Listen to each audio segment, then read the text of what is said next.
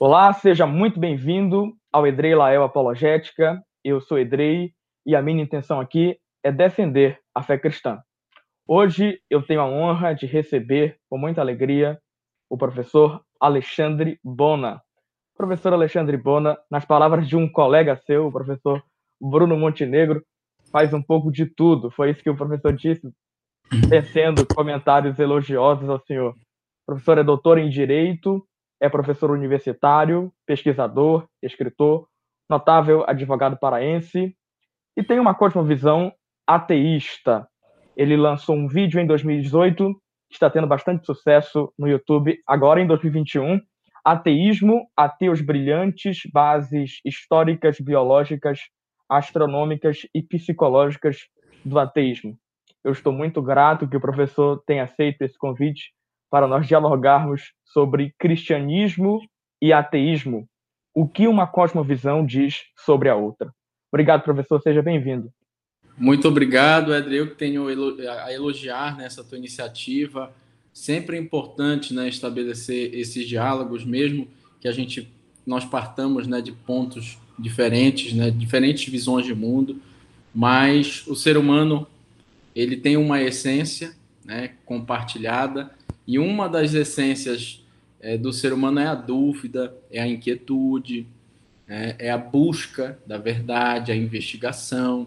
Então, nós estamos aqui eu agradeço muito pelo convite. Vai ser um prazer conversar com vocês sobre quaisquer temas relacionados ao ateísmo e ao cristianismo, mas eu faço uma advertência. Né? Eu tenho, ao contrário de você, você tem uma grande formação teológica cristã. Então você é um profundo conhecedor, está buscando, né, ou, ou está buscando ser um profundo conhecedor do cristianismo, ao passo em que eu tenho uma grande leitura do ateísmo, especialmente depois de 2018, aquele foi um pontapé inicial, né? Então, a partir ah, de 2018, entendi. eu comecei a ler todos os autores mais famosos do ateísmo. Feuerbach, Marx, uh, o Freud, Clarice Lispector, Habermas, é, etc. Então, é, Albert Camus, Sartre, enfim.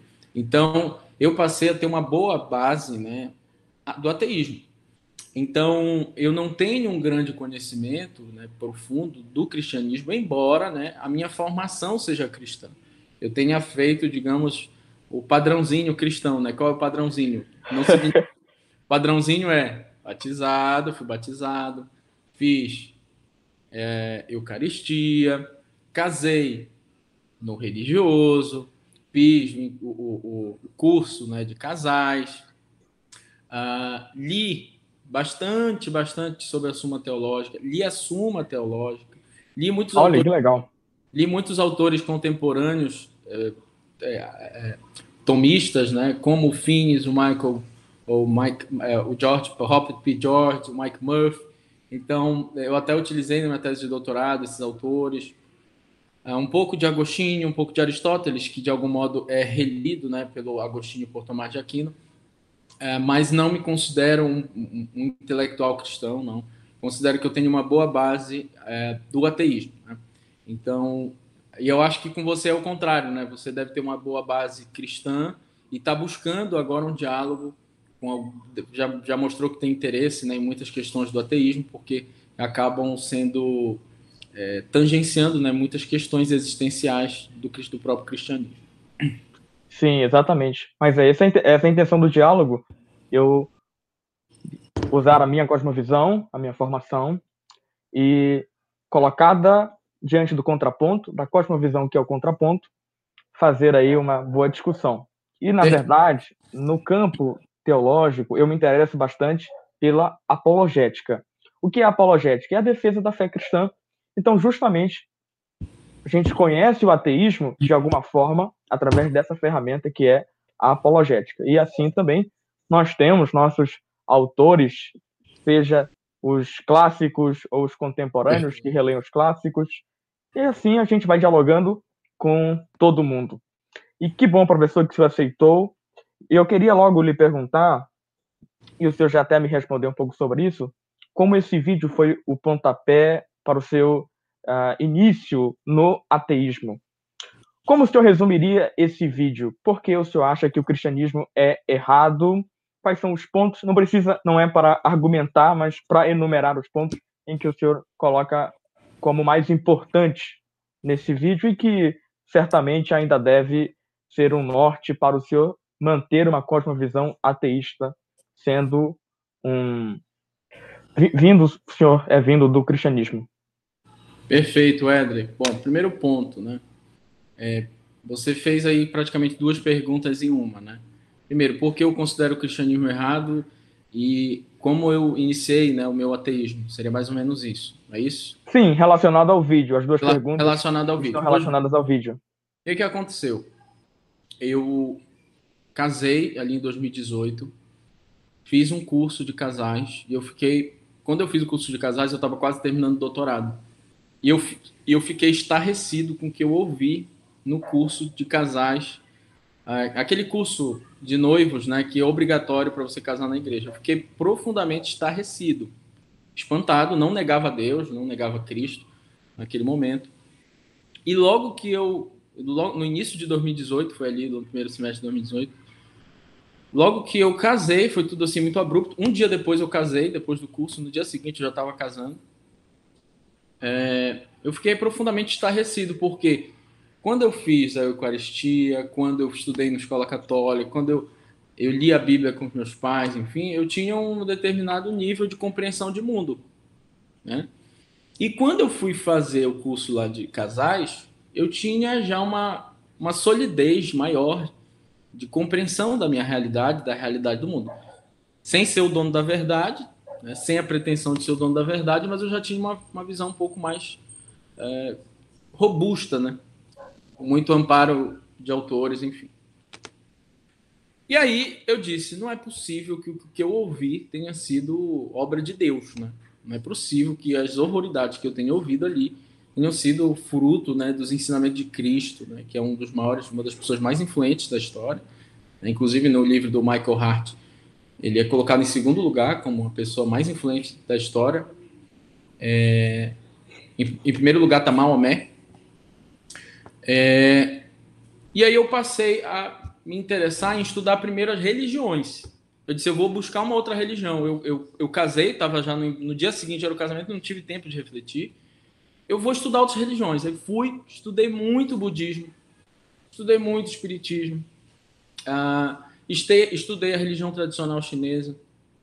E aí, depois de não me identificar com nenhuma delas, fui estudar o ateísmo e comecei a flertar com o ateísmo. Né? E daí, na empolgação né, desse novo mundo, porque a gente, a gente vive num país predominantemente cristão, né, de maioria cristã, nós fomos moldados desde a infância até a vida adulta dentro de uma certa moralidade, muita influência também do cristianismo.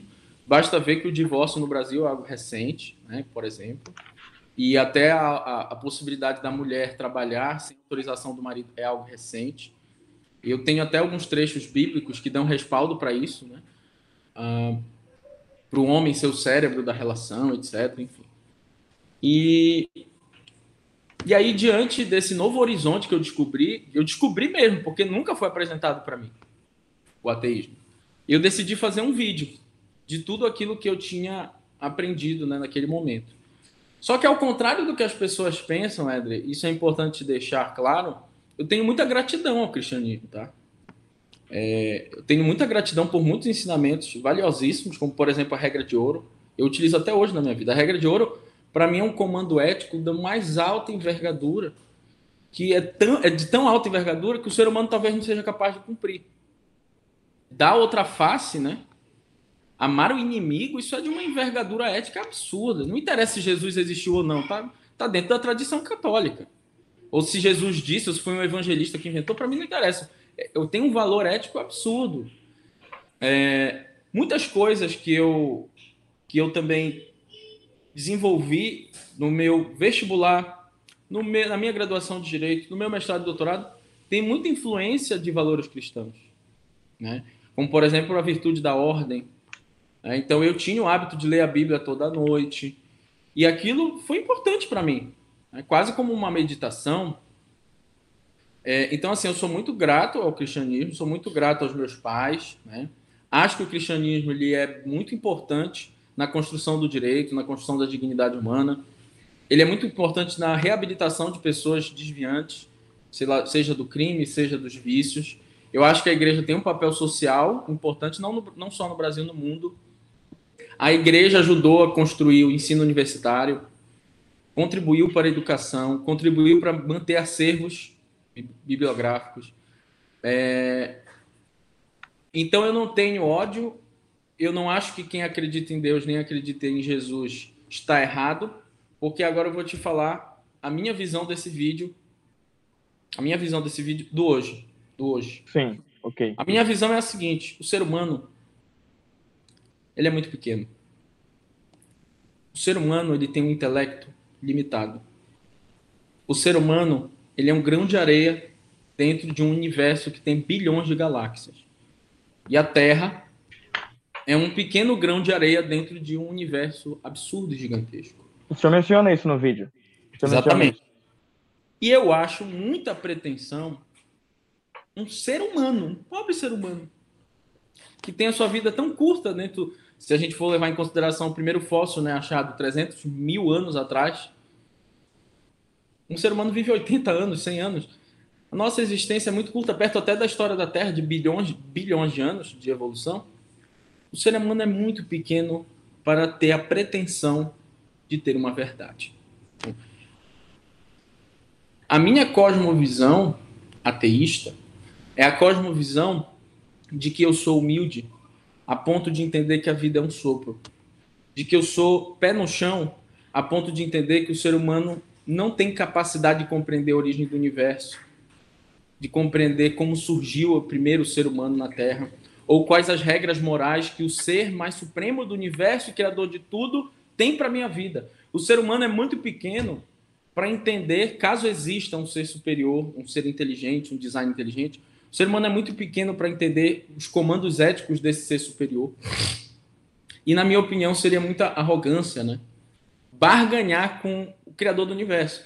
Então, quando eu vejo, por exemplo, um parente com Covid, como foi meu pai que faleceu em dezembro, eu não rezei nem um minuto por ele. E não me arrependo. Não me arrependo. Porque, na minha opinião, como é que eu posso barganhar com Deus? E veja, o meu ateísmo, porque tem dois tipos de ateísmo, né? Tem um ateísmo que nega a existência de Deus e tem um ateísmo que não crê em Deus, que, que parte da dúvida mesmo. Muito próximo na fronteira com o agnosticismo. Eu sou mais esse segundo tipo de ateísmo, porque eu acho que seria muita arrogância dizer que Deus não existe. Seria muita arrogância eu dizer que eu sou o detentor da verdade. Não, pelo contrário, eu gosto da dúvida. É a dúvida que movimenta o mundo. Então, se eu não consigo explicar algo, eu não encontro essa explicação de forma plausível ou cabalmente provada num texto religioso, enfim, eu vou continuar tendo dúvida.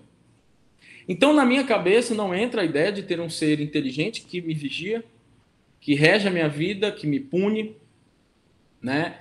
E se existir um Deus, ele é muito maior do que tudo, muito maior do que todos, eu não posso barganhar eu não posso rezar, eu não posso pedir, porque se ele é o supremo Deus do universo, uns vão morrer, outros vão viver, uns vão nascer com deficiência, outros vão nascer embaixo da ponte, uns vão nascer ricos, outros vão nascer pobres e não há possibilidade de eu ter uma influência nisso, tá?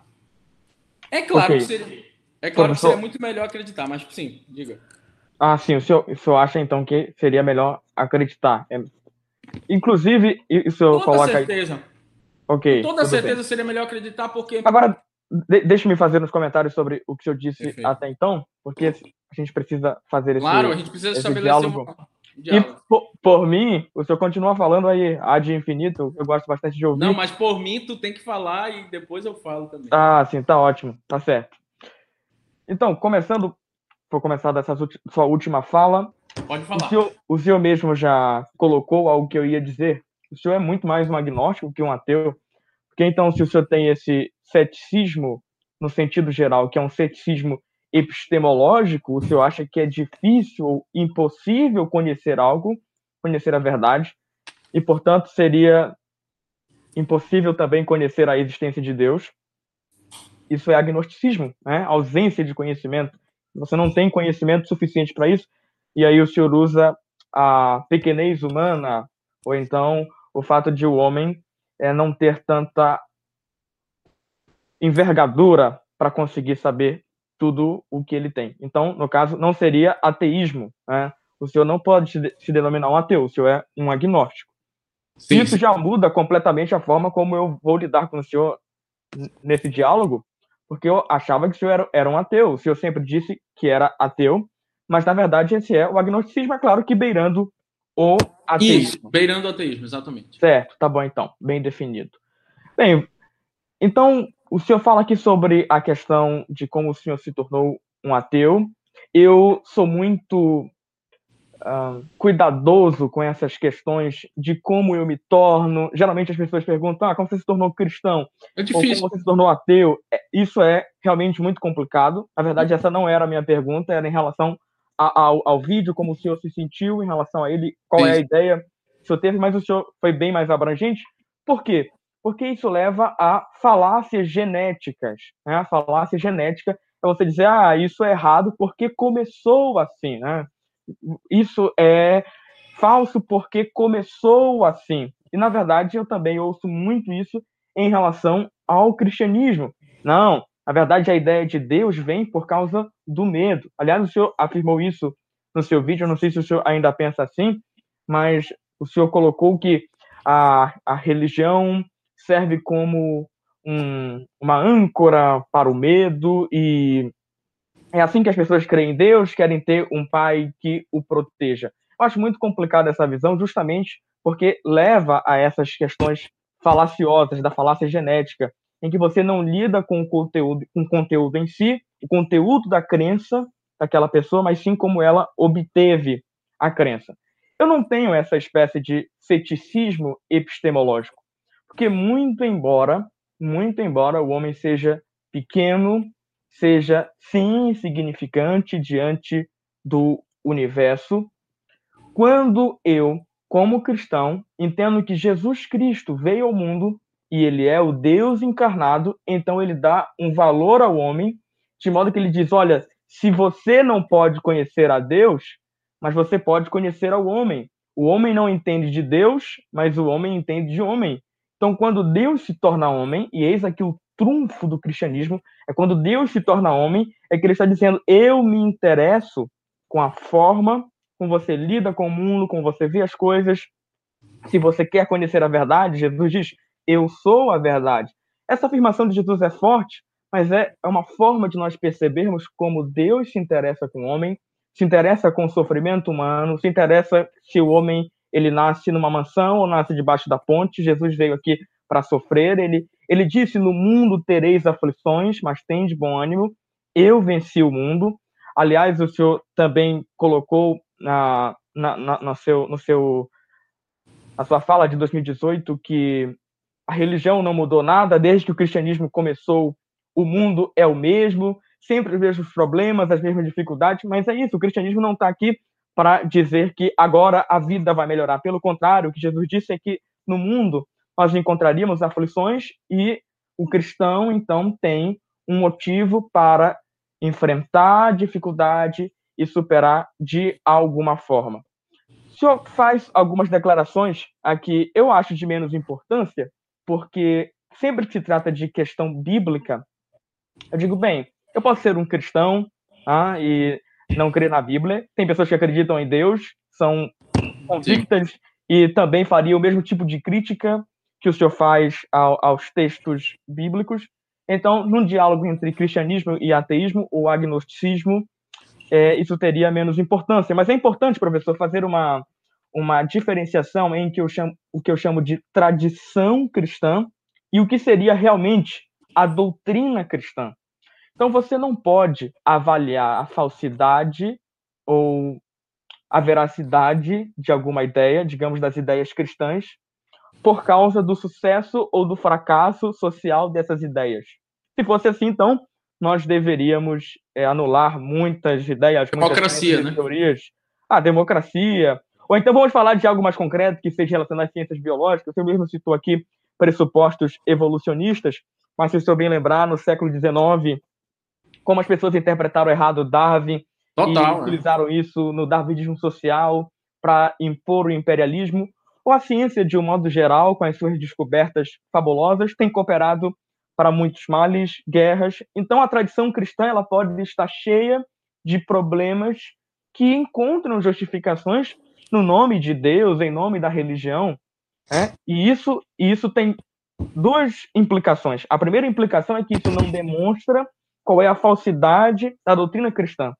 É por isso que, como cristão, é, assistindo o seu vídeo ou então vendo qualquer ateu, eu sempre reafirmo a minha fé, porque eu não encontro uma crítica que consiga minar a doutrina em si, as ideias em si, das quais eu estou convencido por uma série de fatores. De modo que não é os males da religião que pode trazer isso. Agora, é, só para concluir aqui e já passar a palavra ao senhor, eu ia fazer uma defesa da religião, de como a religião ajudou a humanidade, inclusive citando o historiador é, já falecido, é, professor de História da Igreja da Universidade de Yale, que é o Kenneth Scott Laurent, em seu livro Uma História do Cristianismo, assim que é o livro dele traduzido ao português, esse é o nome. Em inglês parece que é a história da expansão do cristianismo, algo assim. Mas ele fala nesse livro sobre como o cristianismo ajudou na criação de hospitais, na alfabetização, na motivação da ciência. A ciência ocidental, ela cresce e se desenvolve no seio cristão. Mas deixe-me aqui falar sobre a oração. É um ponto importante da fé, a oração. E o senhor diz que seria impossível barganhar com Deus se esse Deus existisse. Mas, na verdade, essa é uma forma de, errada de ver a oração. Né? Nós cristãos não vemos a oração assim. A oração nunca foi motivo, ou melhor, motivação para barganha com Deus. Se a oração fosse barganha com Deus, então Deus teria atendido o seu próprio filho homem quando ele esteve no Getsemane. Quando Jesus estava no Getsemane, existe uma passagem, e por enquanto eu não estou interessado em mostrar se o evangelho é confiável ou não, mas a ideia cristã está aí. O Jesus ora e diz: Pai, afasta de mim esse cálice. Aliás, isso é, é utilizado por Chico Buarque, o senhor gosta bastante, com certeza o senhor conhece essa passagem. E Deus não afasta o cálice de Jesus, Jesus enfrenta o sofrimento da cruz, e o próprio Jesus diz: Mas que seja feita a tua vontade. O mais importante daquele momento não foi Deus ter atendido a Jesus, mas sim Jesus ter tido uma comunhão com Deus. A oração é a forma em que o cristão tem comunhão com Deus. Agora, C.S. Lewis, que é, foi um grande cristão do século XX, ele diz que a oração e a onisciência de Deus é algo a se estudar realmente, é que Deus, quando ele cria o mundo, ele cria de uma tal forma que ele sabe quais orações de uma, uma verdadeira devoção, tá? isso tem muito a ver com o molinismo também, que é uma visão teológica, não vou entrar a fundo, mas quando Deus cria o mundo, ele sabe quais orações ele vai responder, quais orações ele vai ver com devoção e vai agir em resposta àquele cristão que está sendo devoto a ele. E C.S. Lewis diz não há nenhum problema nisso, porque Deus ordena, através da providência divina, o mundo, através do livre-arbítrio humano, a liberdade humana, no trabalho, no cultivo, na, na plantação, na segue, e por que não na oração também? Então, essa seria a melhor forma de ver a oração da, do ponto de vista cristão. Professor. Perfeito, Edre, muito boas muito, as tuas colocações. Eu tenho só mais observações aqui importantes, né? Primeiro, é, quando eu digo agnóstico flertando com ateísmo, é porque na minha concepção existe uma possibilidade de ser ateu, que significa viver sem Deus. Tá? Viver sem Deus. Então tem várias concepções, você vai no dicionário mesmo. Outra concepção seria negar a existência de Deus. Eu acho que seria muita arrogância negar a existência de Deus. Então, eu vivo a minha vida sem presumir que existe um mundo transcendental, uma realidade transcendental que me coordena, que estabelece regras, que me pune, que me fiscaliza, etc. Agora, pegando um pouquinho o gancho do que eu falei anteriormente, eu disse para você que seria muito melhor, né, ser religioso para a vida individual da pessoa. Por quê? É, por exemplo, eu tenho um filho com deficiência intelectual grave, um, um retardo mental gravíssimo, ainda tem surdez. Para mim seria muito melhor acreditar que isso é uma dádiva de Deus. Seria muito mais reconfortante, né? É, entender que uma criança que é estuprada, que é morta e aqui a maldade, isso é, e que alguém que morre, um parente querido morre, ele vai para o céu e depois eu vou encontrar com ele. Seria muito mais reconfortante, né? Mas, como eu disse, eu prefiro enfrentar aquilo que o meu intelecto consegue aprender. Outro ponto é sobre a oração. E aí, sobre a oração, vou puxar um gancho para também te ouvir sobre uma questão que me incomoda muito. Existem dois cristianismos para mim. Tá? Um, um cristianismo cultural, não necessariamente vinculado ao Novo Testamento, ao Antigo Testamento. Uh, existe um, um, cristianismo das práticas sociais. Né? Como você vê o sírio, você vê aquela oração para salvar o teu, o teu. Não, diga. Deixa-me fazer só uma, uma pontuação. É, você deve saber, eu sou protestante, sou um jovem pastor evangélico, então, ah, mesmo que nós vivemos em, de alguma forma num estado bastante católico e eu também quero aqui me solidarizar com os católicos e eu sou faço uma apologética mais para o lado de C.S. Lewis, que é cristianismo puro e simples, que abrange Perfeito. protestantes, católicos, ortodoxos, mas existem alguns pontos específicos que eu não vou poder responder, justamente porque eu não, eu não estudo essa, essa, essa vertente doutrinária, eu tenho sim, outros sim. pensamentos, mas você pode fazer, fique à vontade para fazer qualquer isso, tipo É porque isso tem relação com a questão da oração que você colocou. É, então, voltando à questão da oração.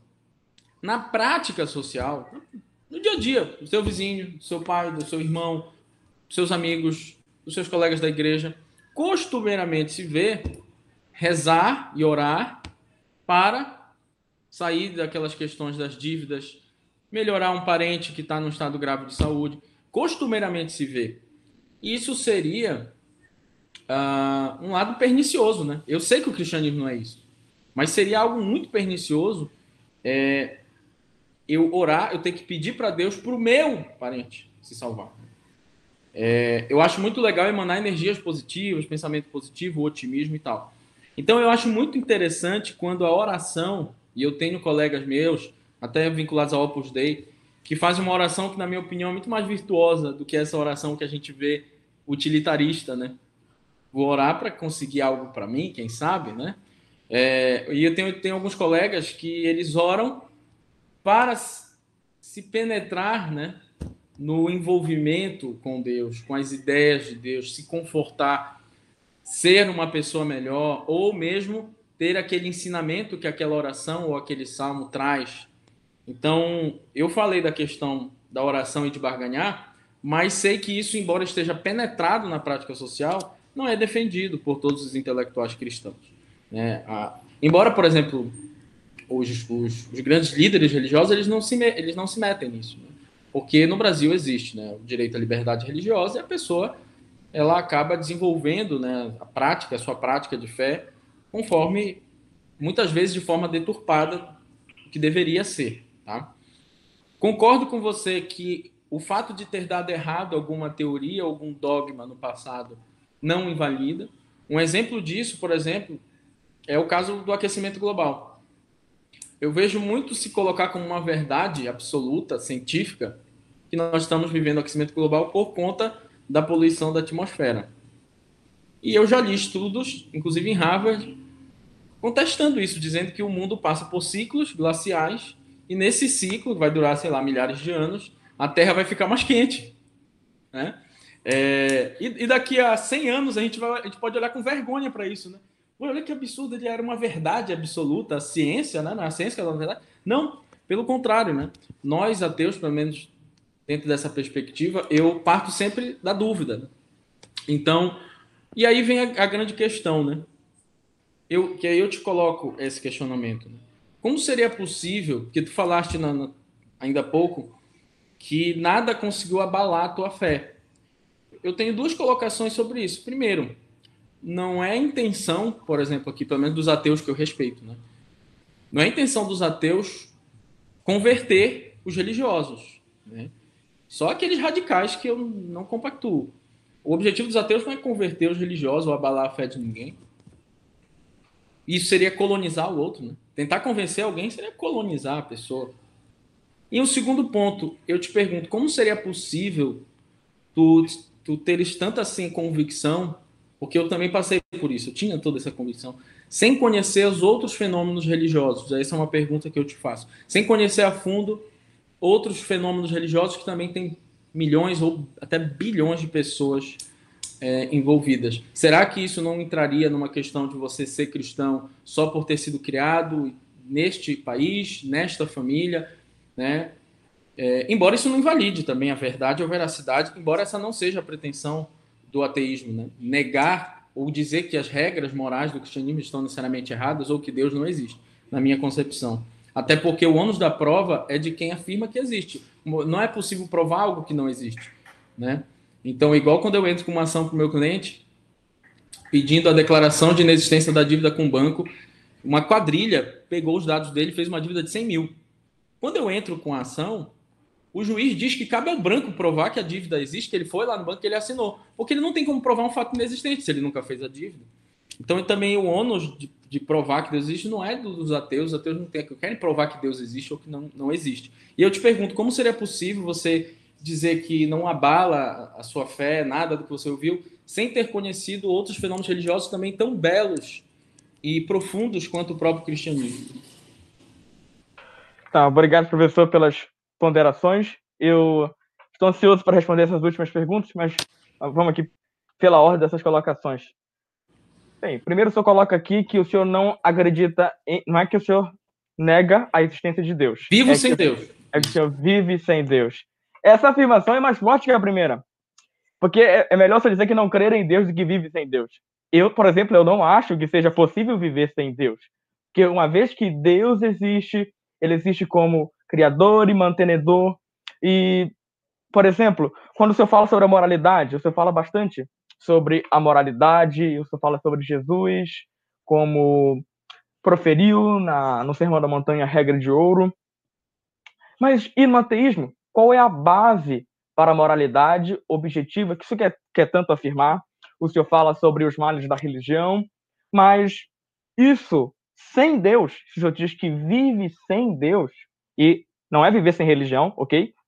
É muito comum ateus, ateus fazerem ah, essas duas coisas se parecerem, religião e Deus, e a todo tempo eles, criticando a religião, parece que estão criticando Deus e dizem que vivem sem religião e, portanto, vivem sem Deus. Não é isso. Viver sem Deus é tirar Deus do mapa. E tirando Deus do mapa, você não tem base nenhuma para a moralidade, por dois motivos. Primeiro, porque a moralidade sem Deus se eu utilizar apenas a evolução, não é que a evolução esteja errada, mas se eu juntar evolução e ateísmo, o que eu tenho é que a humanidade ganha a moralidade através da evolução. Então, o, o, código moral que eu tenho, ele é tão contingente quanto a minha mão ter cinco dedos, ou então o meu cabelo ser é, negro e eu ter essa anatomia. E se eu tivesse sido formado em outras pressões sociobiológicas, eu teria um código moral diferente. Ou seja, no ateísmo não existe moralidade objetiva, tudo que existe é uma moralidade como subproduto.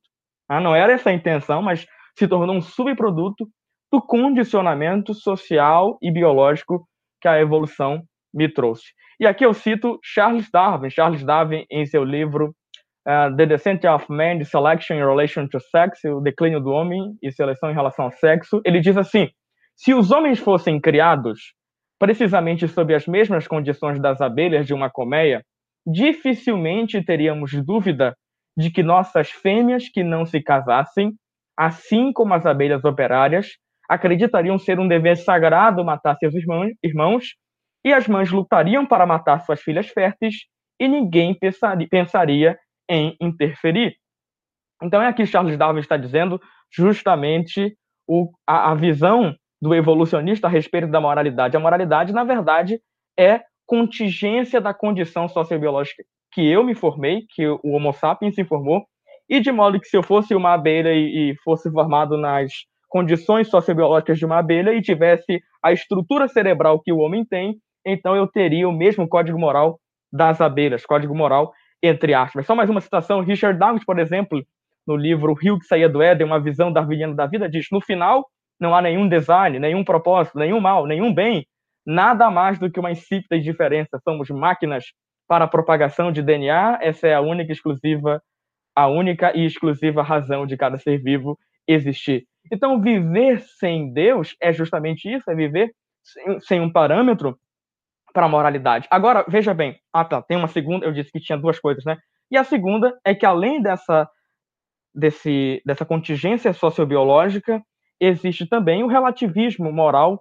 Você vê, se você for para a sociedade oriental, ali no Oriente Médio, existe um código moral totalmente diferente do nosso. A sociedade indígena de 500 anos atrás tem um, tinha um código moral diferente do nosso. Então, o que o, o que lhe dá parâmetro para dizer, não, bingo, eu tenho, eu posso dizer que isso é bom, eu, aliás, o senhor disse isso no vídeo, né? O senhor disse, nós somos bom, nós não dependemos da religião, nós somos bom, você é bom. E isso é incrível, porque nós vemos tantos males na, na humanidade e eu não acho que o homem seja bom por natureza, é por isso também que ele precisa de um salvador. Eu não estou dizendo, professor, que um ateu não pode ser bom, não é isso. Como as pessoas interpretam o argumento moral dessa forma.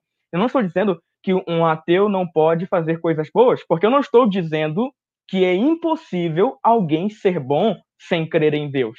O que eu estou dizendo é melhor que isso. Eu estou dizendo é impossível ser bom sem Deus, porque o critério de bondade ele só pode existir se existir um parâmetro objetivo.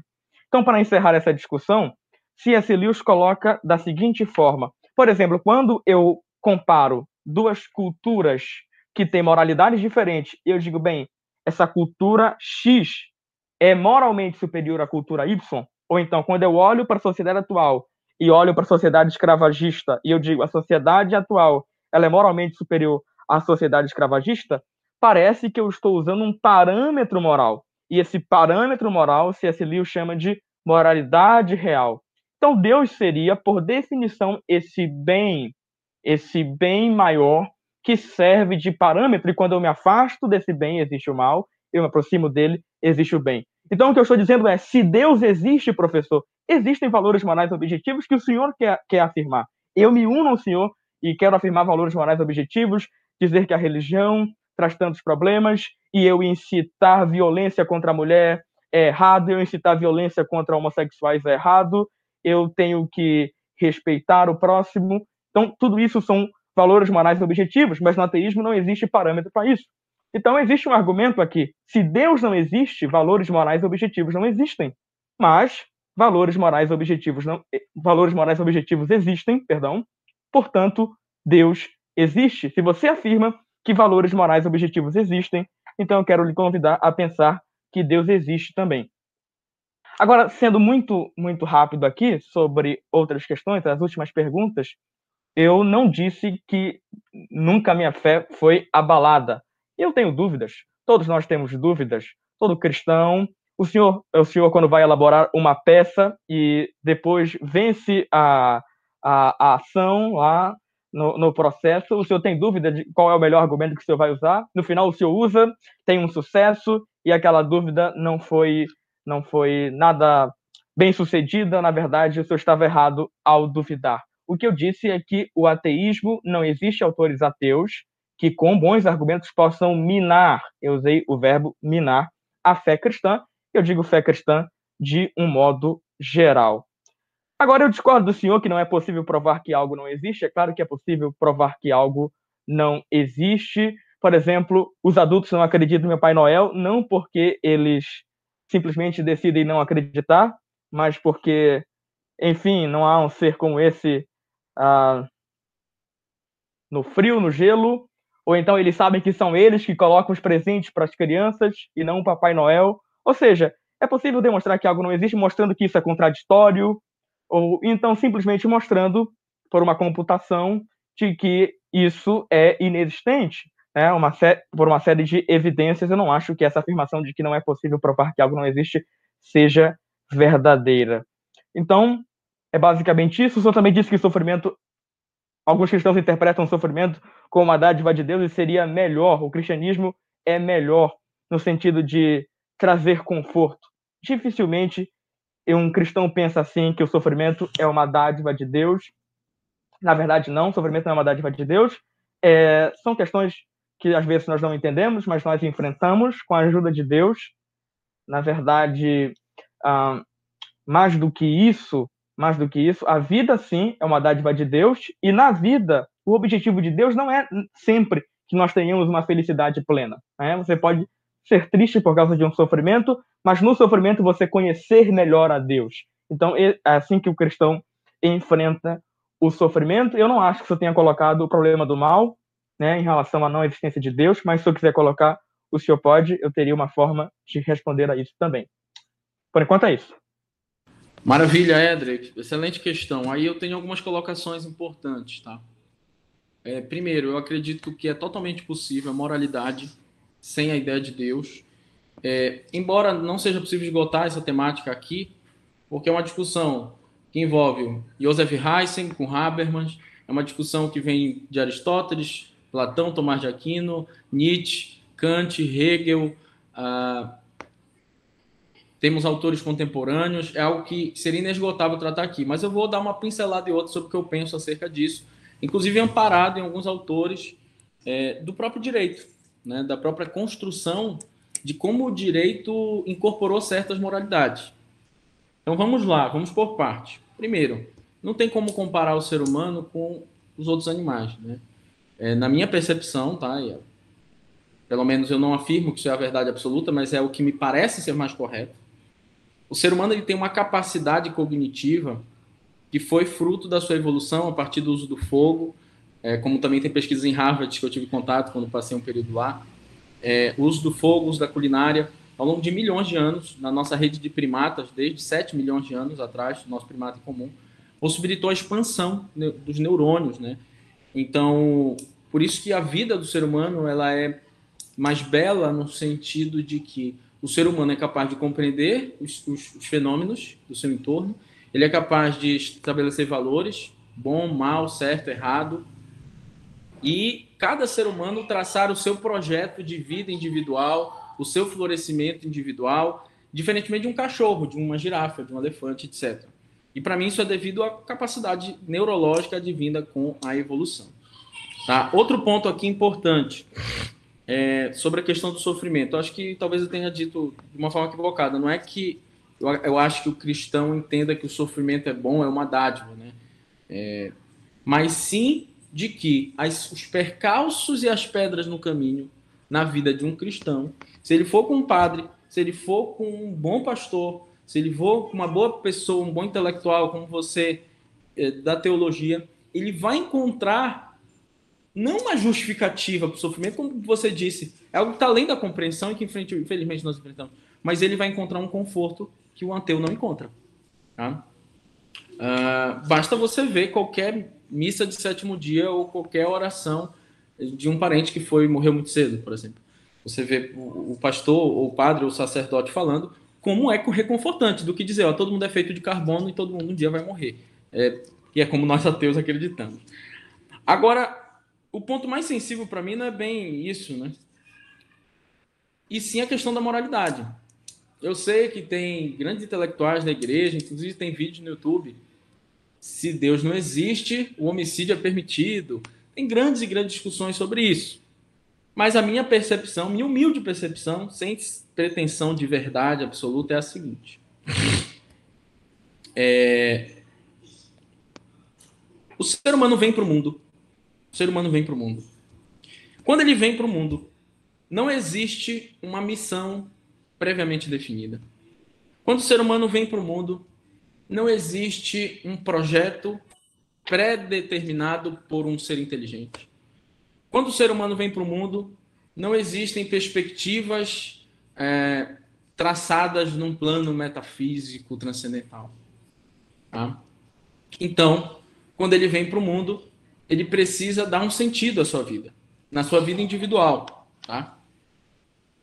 E aí, como diz o Albert Camus, como diz o Sartre, a vida humana ela não tem propósito pré-definido.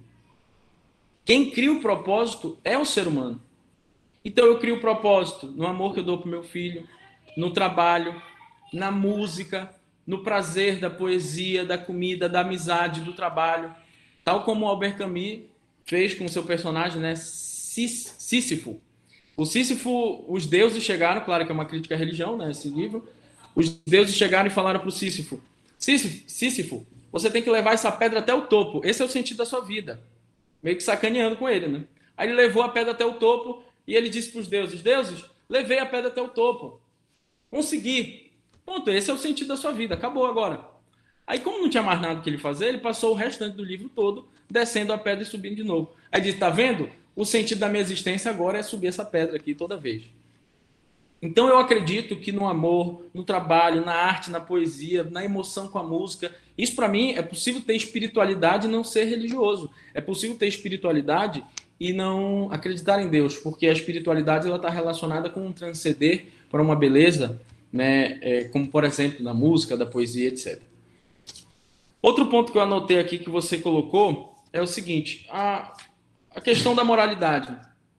A moralidade ela foi evoluída ao longo do, dos tempos. Tanto é verdade que as religiões do passado, as religiões que surgiram lá atrás, como por exemplo o caso do cristianismo, se a gente for ver o Antigo Testamento, tem lá desigualdade de homens com mulheres, tem lá vários trechos, né, que o, na nossa sociedade atual a gente não concorda.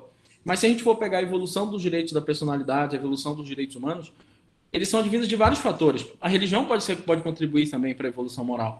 Mas nós temos lutas, revoluções, né, é, engajamento, movimentos sociais. Tanto é verdade que após os horrores né, da Segunda Guerra, é, é a ONU, né, que em 1948, acho que saiu aqui. Só para esclarecer para quem está assistindo o vídeo e ouvindo o áudio, vai ter um corte agora, porque teve um corte agora justamente porque eu caí, a conexão caiu, mas estou de volta. Professor, Perfeito, só vou, só vou concluir essa ideia aqui. Então, se a gente for pegar, por exemplo, a evolução das regras de convivência social, é, desde coisas simples como pagar tributos, até respeitar a integridade física, a privacidade, a imagem, a igualdade de todos os filhos, independente de ser do mesmo casamento, a igualdade do homem com a mulher, a, a impossibilidade de tortura, o respeito ao devido processo legal. Se a gente for verificando todas essas regras, elas não foram é, advindas de uma de uma lei natural, né, de uma algo imanente à sociedade. Elas foram construídas ao longo de revoluções, movimentos sociais e também sim uma parte até da religião. Dizem muitos que a própria dignidade humana bebe da fonte cristã, né? Inclusive no Aquinas, né, que é um livro do John Finnes, ele mostra a relação the root of dignity, né, a raiz da dignidade também é possível verificar em Tomás de Aquino, que faz uma ligação entre Aristóteles e, e Cristo, obviamente. É, então, mas eu acho que a religião é um dos pilares. A religião é um dos pilares da, da moralidade. Existem vários outros pilares, né? Basta ver a emancipação da mulher, dos indígenas, dos transexuais, das questões raciais. Elas foram muito fruto de revoluções, de protestos, de lutas. Então, eu acredito que a evolução moral da sociedade ela bebe de várias fontes, fontes complexas, né? Isso não sou eu que estou dizendo. Qualquer autor de teoria do direito é, inclusive, numa das aulas que eu dou de introdução à teoria geral do direito civil, eu pego vários compilados. Qual é a fonte da moralidade? Depois, qual é a fonte do direito? Né? E meio que há um consenso né, de que o direito é uma construção social, é, não é um dado objetivo né, previamente. É, e principalmente, se a gente for pegar, por exemplo, a democracia, mesmo todas as críticas possam ter, é, é, possível definir padrões objetivos de comportamento a partir do jogo democrático, a partir de que sociedade nós queremos viver. E uma coisa importante, o Sartre e o próprio Albert Camus, que são existencialistas, quando eles dizem assim, é, que não há um sentido, não há um propósito imanente à vida humana, nós vamos curtir esse propósito, eles dizem, é muito importante que a gente se reúna democraticamente e defina o que é certo e o que é errado, porque ninguém quer ver criança estuprada, ninguém quer ver a dor do outro, porque a liberdade individual ela traz consequências, e se ela traz consequências, a gente tem responsabilidade. Tanto é que esses dois ateus que eu acabei de me referir, que foram muito influentes na França na década de 60, o Sartre e o Albert Camus, eles dizem: a gente tem que se engajar e melhorar a sociedade. Então, por exemplo, tem uma criança que não teve atendimento médico, a gente vai protestar na frente, a gente vai protestar na frente da prefeitura. Porque não pode uma criança não ter atendimento médico. Embora nós sejamos livres, não exista uma, um sentido pré-definido e pré-determinado na nossa vida, a não ser o que nós mesmos criamos, como amar o nosso filho, o amor da amizade, da poesia, da música. A gente tem responsabilidade e responsabilidade com o outro. Porque se nós somos livres, os nossos atos têm consequências, inclusive a nossa indiferença. Uma coisa interessante, já, eu, aí é a questão que eu vou colocar para você agora. Uma das coisas que mais me incomodou no curso de noivo, sabe o que foi? Além das falas preconceituosas, foi a patente do bem. Gente, qualquer intelectual sério, e você também, obviamente, vai reconhecer isso. O cristianismo não inventou o princípio de fazer o bem ao outro. Existe em Confúcio, 5 mil anos antes de Cristo. Em Confúcio. Buda, né, 2 mil, mil anos antes de Cristo. Aristóteles. Aristóteles, a busca do bem comum. Né? Aristóteles é antes de Cristo, 300 anos antes de Cristo. Cristo não inventou o princípio de fazer o bem ao outro. Né? É, então, é, nesse curso de noivos, né, meio que se buscava patentear a ideia de fazer o bem. E tem pessoas maravilhosas que nunca ouviram falar em Jesus Cristo e fazem o bem ao outro por conta de sua responsabilidade. A sua liberdade traz responsabilidade. A própria Dinamarca, que é considerado o país mais feliz do mundo, obviamente isso não é possível aferir objetivamente, que a maior parte da população é, é do ateísmo, né? não acreditam em Deus, eles estão a todo momento buscando tirar as pessoas da rua, tirar do desemprego, tem seguro para quem é, é, é, demitido, da mulher que fica grávida, ela tá, vai ter um salário do governo, porque ninguém pode passar fome, ninguém pode sofrer. Isso não tem relação com o cristianismo ou nem mesmo com a ideia de Deus, porque mesmo antes de supostamente o Filho de Deus vir para a Terra, né, que seria Jesus Cristo, né, o Deus encarnado, é, para quem obviamente acredita, muito antes nós tínhamos sociedades como a egípcia, etc., que mesmo com todas as injustiças buscavam trazer um conforto, o bem para o outro, etc. A mesma religião tradicional chinesa, por exemplo, como data de 5 mil anos antes de Cristo. Então, é, feitas essas colocações, aí eu passo a palavra para você, Edwin. Obrigado pelas ponderações, professor. Bem, o senhor começou dizendo que é possível haver moralidade sem a ideia de Deus, e o senhor correu ao longo do seu discurso mantendo isso. Por último, citou a Dinamarca, que não tem a ideia de Deus, mas continua sendo bons, ou seja, tendo moralidade objetiva como base e buscando ser uma sociedade melhor. Mas o senhor entendeu errado o argumento. O argumento não é esse. O argumento, repito, o argumento não é que ateus que não têm a ideia de Deus é, não podem ser bons porque não têm a ideia de Deus. E mais uma vez, além disso, o senhor parece, e digo isso com todo respeito, professor, com todo respeito, tá? Parece confundir a religião com Deus, é a ideia de Deus. Quando, como cristão, quando eu falo de Deus, eu não estou falando de uma ideia. É isso que você tem que colocar na sua, na sua mente. É, não estou falando de uma religião, que é o cristianismo. Eu estou falando de Deus. Deus é um ser imaterial, atemporal, espacial e é o bem. Ele é o bem. O bem é Deus. Deus, por definição, é o bem. Então, não é a ideia de Deus, é que Deus existindo, ele serve de parâmetro para os valores morais objetivos. E aqui eu fico, eu fico muito feliz, na verdade, é que o senhor afirma como a moralidade ela é necessária. E necessária não no sentido utilitarista, mas necessária no sentido ontológico da palavra. Né?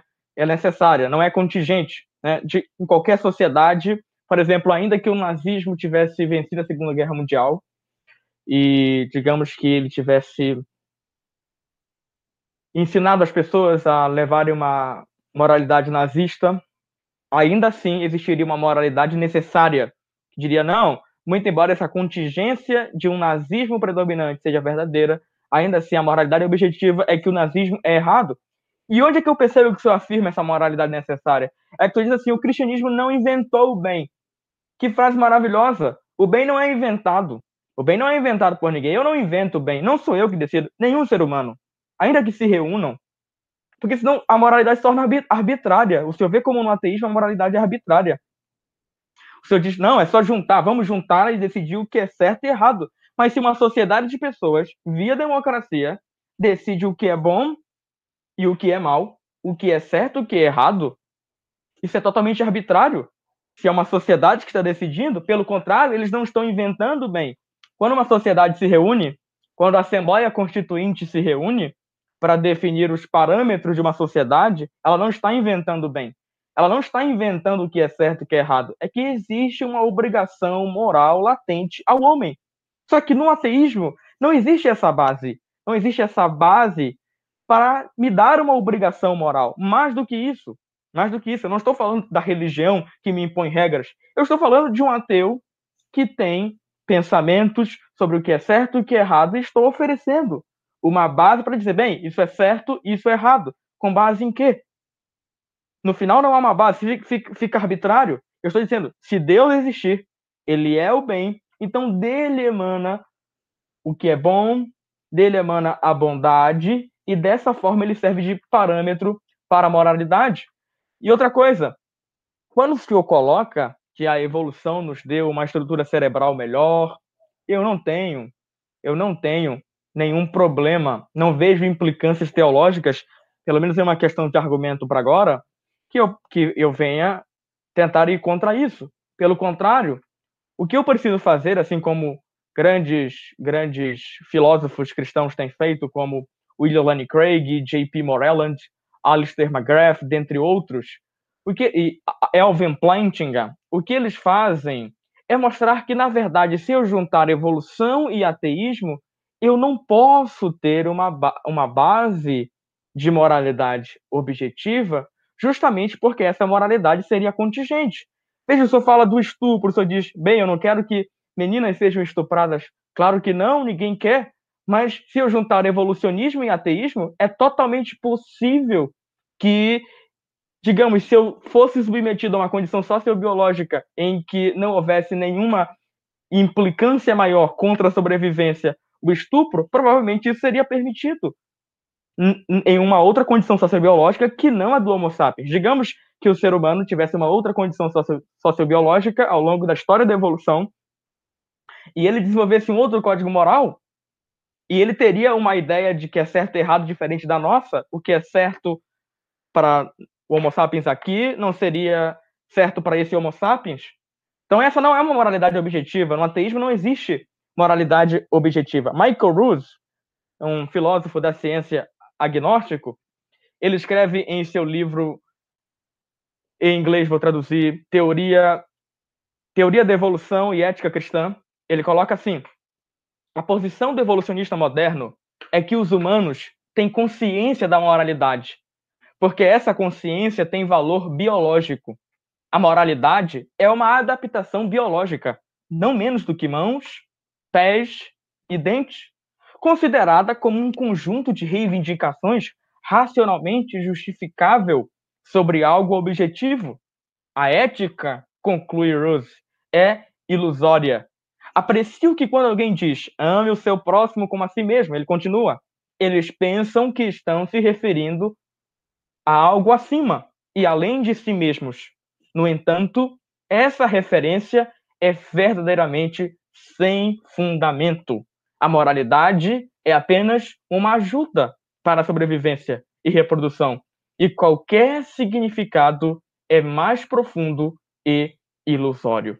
Então, quando Albert Camus, um, Jean-Paul Sartre falam sobre o sentido, o propósito que o ser humano deve determinar, sinto muito, esse sentido e propósito baseado em uma moralidade arbitrária seria nas palavras de Rilke, que conhece as implicações do seu ateísmo naturalista ilusório.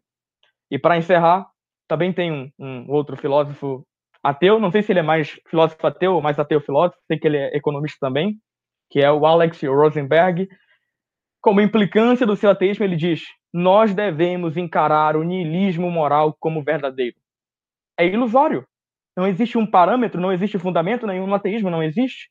E embora eu queira me juntar ao senhor e afirmar tudo isso, todas essas ah, reivindicações morais sobre o certo e errado, os valores da democracia, no ateísmo eu não vejo nenhuma base. Por isso que eu volto àquela tese inicial, quando o senhor disse que na verdade não é que o senhor nega a existência de Deus, é que o senhor vive sem Deus, eu digo é muito difícil viver sem Deus.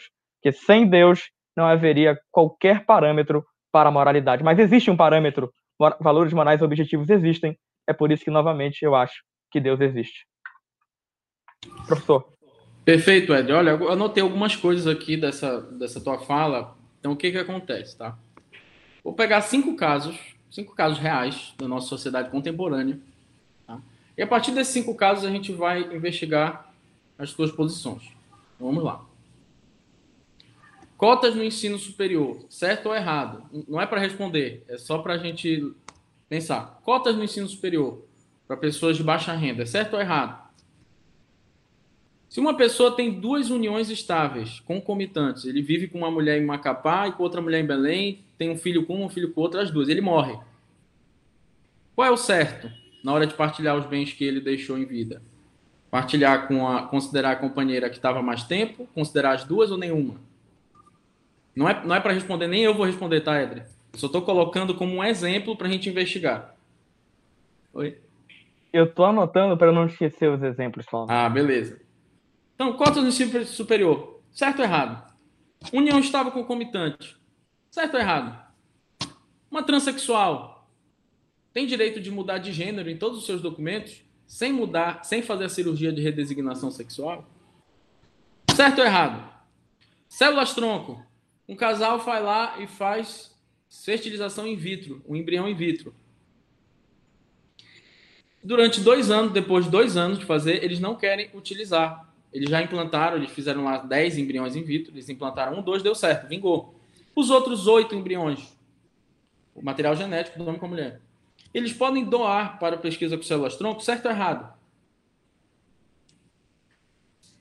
Todas essas questões, todas, absolutamente todas, transexual, das cotas, da união estável concomitante, da união estável, das células tronco, todas, sem exceção, tiveram que ser julgadas pela Suprema Corte Brasileira tá? que definiu o que é correto, cotas, que definiu o que é justo e correto, pesquisa com células-tronco, que definiu que não é possível união estável concomitante, ou é uma ou outra, que o Brasil adota monogamia, definiu que o transexual pode mudar de gênero sem mudar de é, sem fazer cirurgia de redesignação sexual. Todas essas questões elas mexem muito com os ânimos, porque a gente vive numa sociedade multicultural a gente vive numa sociedade que tem progressistas, tem conservadores.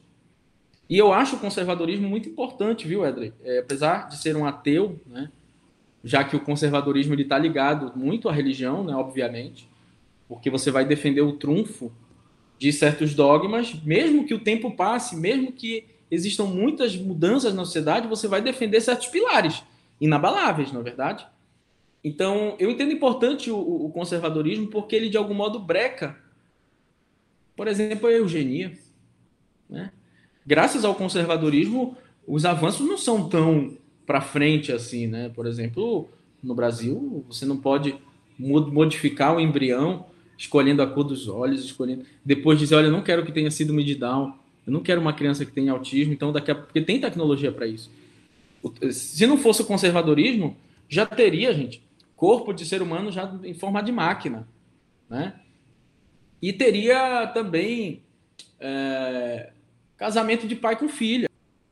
É graças a alguns pilares é, é, é e dogmas, sim, alguns pilares morais, que a sociedade ela tenha certos limites e o Habermas expõe muito isso no livro dele, O Futuro da Humanidade, que ele critica veementemente a eugenia. Veja, o Habermas é um ateu.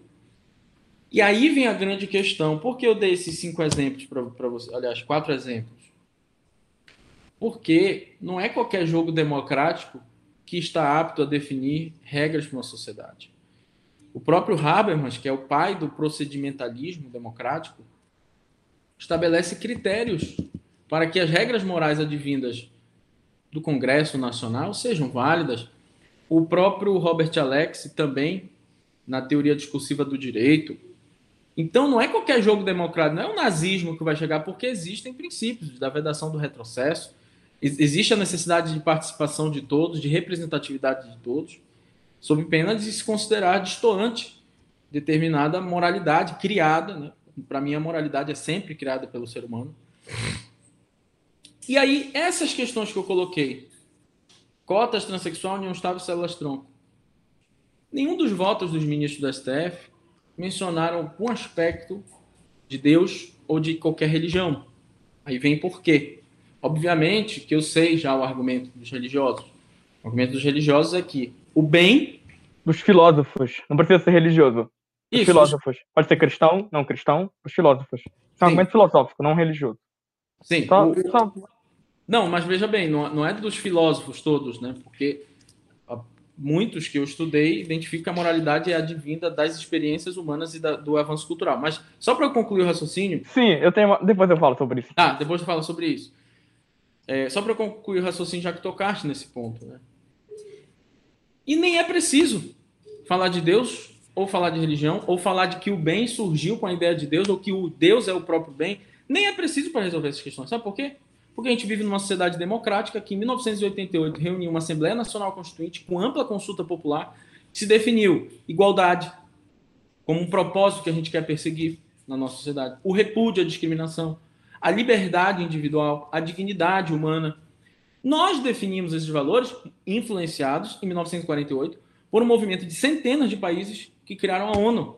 E que sim, foi um avanço diante do, do nazismo, o avanço diante do nazismo foi, foi viável né, graças a situações democráticas, de deliberações, para definir quais propósitos né, as nações deveriam perseguir dentro do seu país. Então, a vedação à tortura, o repúdio à discriminação, a necessidade de votar, de participar do jogo, do jogo político, o direito a férias, 13 terceiro, etc., moradia, educação, saúde, saneamento básico, não está na Bíblia, nem muito menos advinda de forma direta das ideias de Deus, que as pessoas têm que ter saneamento básico, habitação, saúde, moradia, etc. Isso é uma construção histórica que foi viável graças à arrecadação de impostos, graças ao jogo democrático. E para mim seria muito fácil dizer: não, mas não interessa, se é o bem, o bem tem origem na ideia de Deus, porque sem Deus não seria possível que é o bem. Não, na minha percepção, e aí não tem como dizer quem está certo, quem está errado, ou Edre ou Bona, porque isso é uma discussão que muitos filósofos tratam há centenas de, de anos, né? é, e que não chegou a um consenso. Né? Eu não estou aqui também tendo a pretensão de ter a verdade. É, eu não afirmo ter, ser detentor de nenhuma verdade. Né? Eu parto da dúvida, e e, mas eu me inclino a considerar, dentro dos, da história do direito, dentro da antropologia, da sociologia, é, de muitos autores que eu acabo concordando e me inclinando, que o direito né, e as regras que regem a nossa sociedade, elas são construções, elas são construções é, culturais, sociais, e não necessitam, tá? não necessitam de uma vinculação a uma ideia de Deus ou de religião. E existe um autor que defende, inclusive, a lei natural, que é o Michael Moore. E ele, apesar de ser um adepto da lei natural, que defende que há uma essência humana que, por meio de virtudes, te, te aproximam do florescimento, que por meio de vícios te afastam do florescimento, o próprio Michael Moore é um filósofo da lei natural que diz que é absolutamente desnecessário discorrer sobre Deus ou religião para afirmar a possibilidade do bem. Inclusive, ele diz que seria impossível ter um intérprete da palavra de Deus. Né? Um dos argumentos, ele usa centenas de argumentos, mas um dos argumentos é seria impossível ter um intérprete. Toda hora a gente tem que estar atualizando o que, que há dois mil anos atrás foi dito. Né? E aí, quando eu digo viver sem Deus, é plenamente possível. Por quê? No Brasil, como na maior parte dos mundo, do mundo ocidental, né? mundo ocidental, né? vigora a liberdade religiosa. E a liberdade religiosa é o direito que cada um tem de se apegar ou não a uma crença. Tá? Então, quando eu digo que na minha vida, quando eu levo meu filho para a escola, quando eu ensino o que é certo ou errado, na minha vida, quando eu faço uma música, quando eu faço uma poesia, quando eu preparo uma aula, na minha vida, quando eu saio de casa com maior ânimo para atender um cliente, quando eu saio de casa para ver um jogo de futebol, reunir com os amigos, na minha vida, tá? Eu escolhi, e aí ninguém pode tirar isso. Eu escolhi na minha vida viver sem Deus, não no sentido de que eu nego que Deus existe para todo mundo, mas no seguinte sentido: eu vou viver sem acreditar que tem uma pessoa me fiscalizando, me punindo, me reprimindo. Eu vivo sem Deus porque eu vivo sem me apegar a dogmas de pessoas que se dizem detentoras da palavra de Deus. Eu vou viver sem Deus porque eu acredito que é possível construir uma sociedade justa, solidária, humanista, sem a ideia de Deus. Eu vou viver sem Deus porque na minha liberdade que eu escolhi, eu vou ensinar para o meu filho o que é certo, o que é errado a partir de argumentos racionais. Embora muitos argumentos racionais bebam da fonte da racionalidade cristã, mas como um elemento, né? como um elemento importante. Claro que o Novo Testamento é, é, um primor, é muito bonito, né? tem muitas regras importantes no Novo Testamento, mas ele é um elemento apenas. Um elemento que fez parte da história, que influenciou o mundo, assim como muitos outros. Como Mahatma Gandhi, como Martin Luther King, como poetas, músicos, como Clarice Lispector, como Tom Jobim, é, que, e a sociedade foi construída com muitas contribuições. Hoje, para a gente ter na nossa Constituição né, o repúdio à discriminação, a igualdade de homens e mulheres, a vedação da tortura, o respeito às terras indígenas, etc., foi muito chão pela frente e não uma dedução lógica do fazer o bem ao outro. Então, essa eu escolhi viver, não tem como dizer que, eu, que não é possível viver sem Deus a minha vida, né? Porque se a gente, se não seria colonizar o outro, seria impor ao outro é, uma certa concepção de vida boa. Né? Eu acho que isso não é possível e nem é desejável, né, que seja assim. Obrigado mais uma vez, professor. Só para começar do fim dessa sua parte, eu não estou dizendo, não estou, não estou dizendo que você é obrigado a viver com Deus, mas eu estou dizendo, vamos falar sobre proposições, né?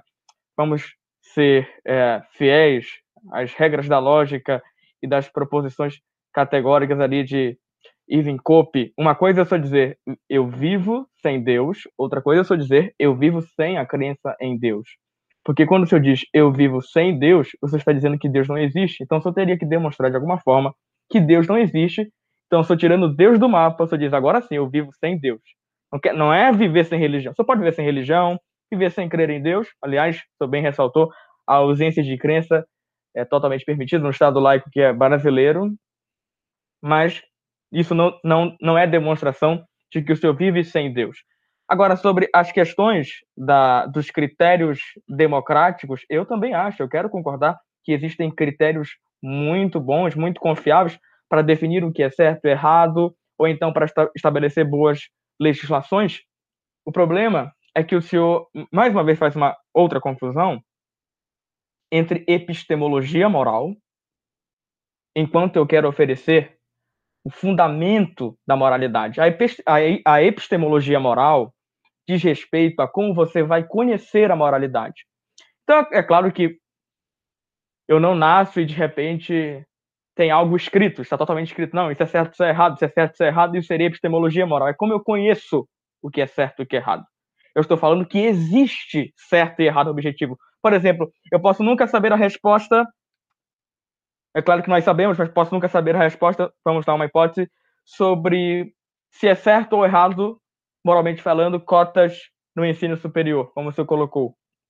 Mas, como defensor de que existe um fundamento objetivo para a moralidade, eu estou afirmando que nessa situação existe algo certo a se fazer, existe algo bom a se fazer, e por outro lado, algo errado que não deve ser feito. O problema é que no ateísmo e aí eu volto ao argumento inicial, no ateísmo, esses critérios né, que se querem conhecer, por mais confiáveis que você queira que eles sejam, no ateísmo não há confiabilidade neles, por dois motivos. Primeiro, por causa do condicionamento sociobiológico, e em segundo lugar, por causa do relativismo cultural óbvio. Vou repetir. Quando o senhor, quando o senhor coloca aqui ah, sobre igualdade, dignidade da pessoa humana, liberdade, e fala que existem bons filósofos para debaterem e não citam Deus, o Supremo não cita Deus. É claro que não vai citar, porque, novamente, é, eles estão tratando de questões morais e, portanto, vão, vão requerer a epistemologia moral, como eu conheço, como eu chego à conclusão de que algo é certo ou errado. E aí está a epistemologia moral. Por isso que eles não vão citar Deus. Não é uma filosofia moral teológica que apresenta o fundamento. O problema é que é, é, essa igualdade, dignidade da pessoa humana, como o senhor bem disse, é graças a esses países, a ONU, em reação aos nazistas. Agora, imagine uma contingência. Imagine comigo uma contingência. Vamos lá. Uma contingência em que o nazismo vence a Segunda Guerra Mundial. Então, nós, em vez da ONU, que é um movimento de reação ao nazismo, mas vamos lá, uma, uma hipótese. Nós teríamos uma ONU nazista, nós teríamos países do mundo que têm uma moralidade nazista, assim como houve né, um, um movimento de reação antinazista. Né? Nós vivemos em um mundo que quer estabelecer justamente os parâmetros dos direitos uh, básicos, os direitos humanos internacionais, como uma reação antinazista. Vamos dizer que não. E digamos que nós vivêssemos em 2021 ainda no reflexo desse mundo, isso eu diria, não, mas existem critérios. E eu poderia muito bem dizer, mas o que me dá confiabilidade nesses critérios? E por que esses critérios seriam mais adequados que os critérios nazistas. E é claro que nós poderíamos muito bem recorrer à experiência moral. Qualquer pessoa que tenha bom senso, ah, eu tenho bom senso, tudo bem, mas a formação de uma contingência cultural pode muito bem tirar o bom senso das pessoas. Vou repetir, o nazismo está aí para demonstrar isso. Agora, mais do que isso, é que em uma condição sociobiológica diferente, em que Deus não existe, tudo é aleatório e o naturalismo é verdadeiro, então eu poderia muito bem ter um mundo em que nada disso que nós chamamos de dignidade da pessoa humana, ou então privilegiar é, igualdade para os iguais, desigualdade para os desiguais, todos esses princípios não fazeriam o menor sentido. No ateísmo, nós vivemos nesse delírio moral.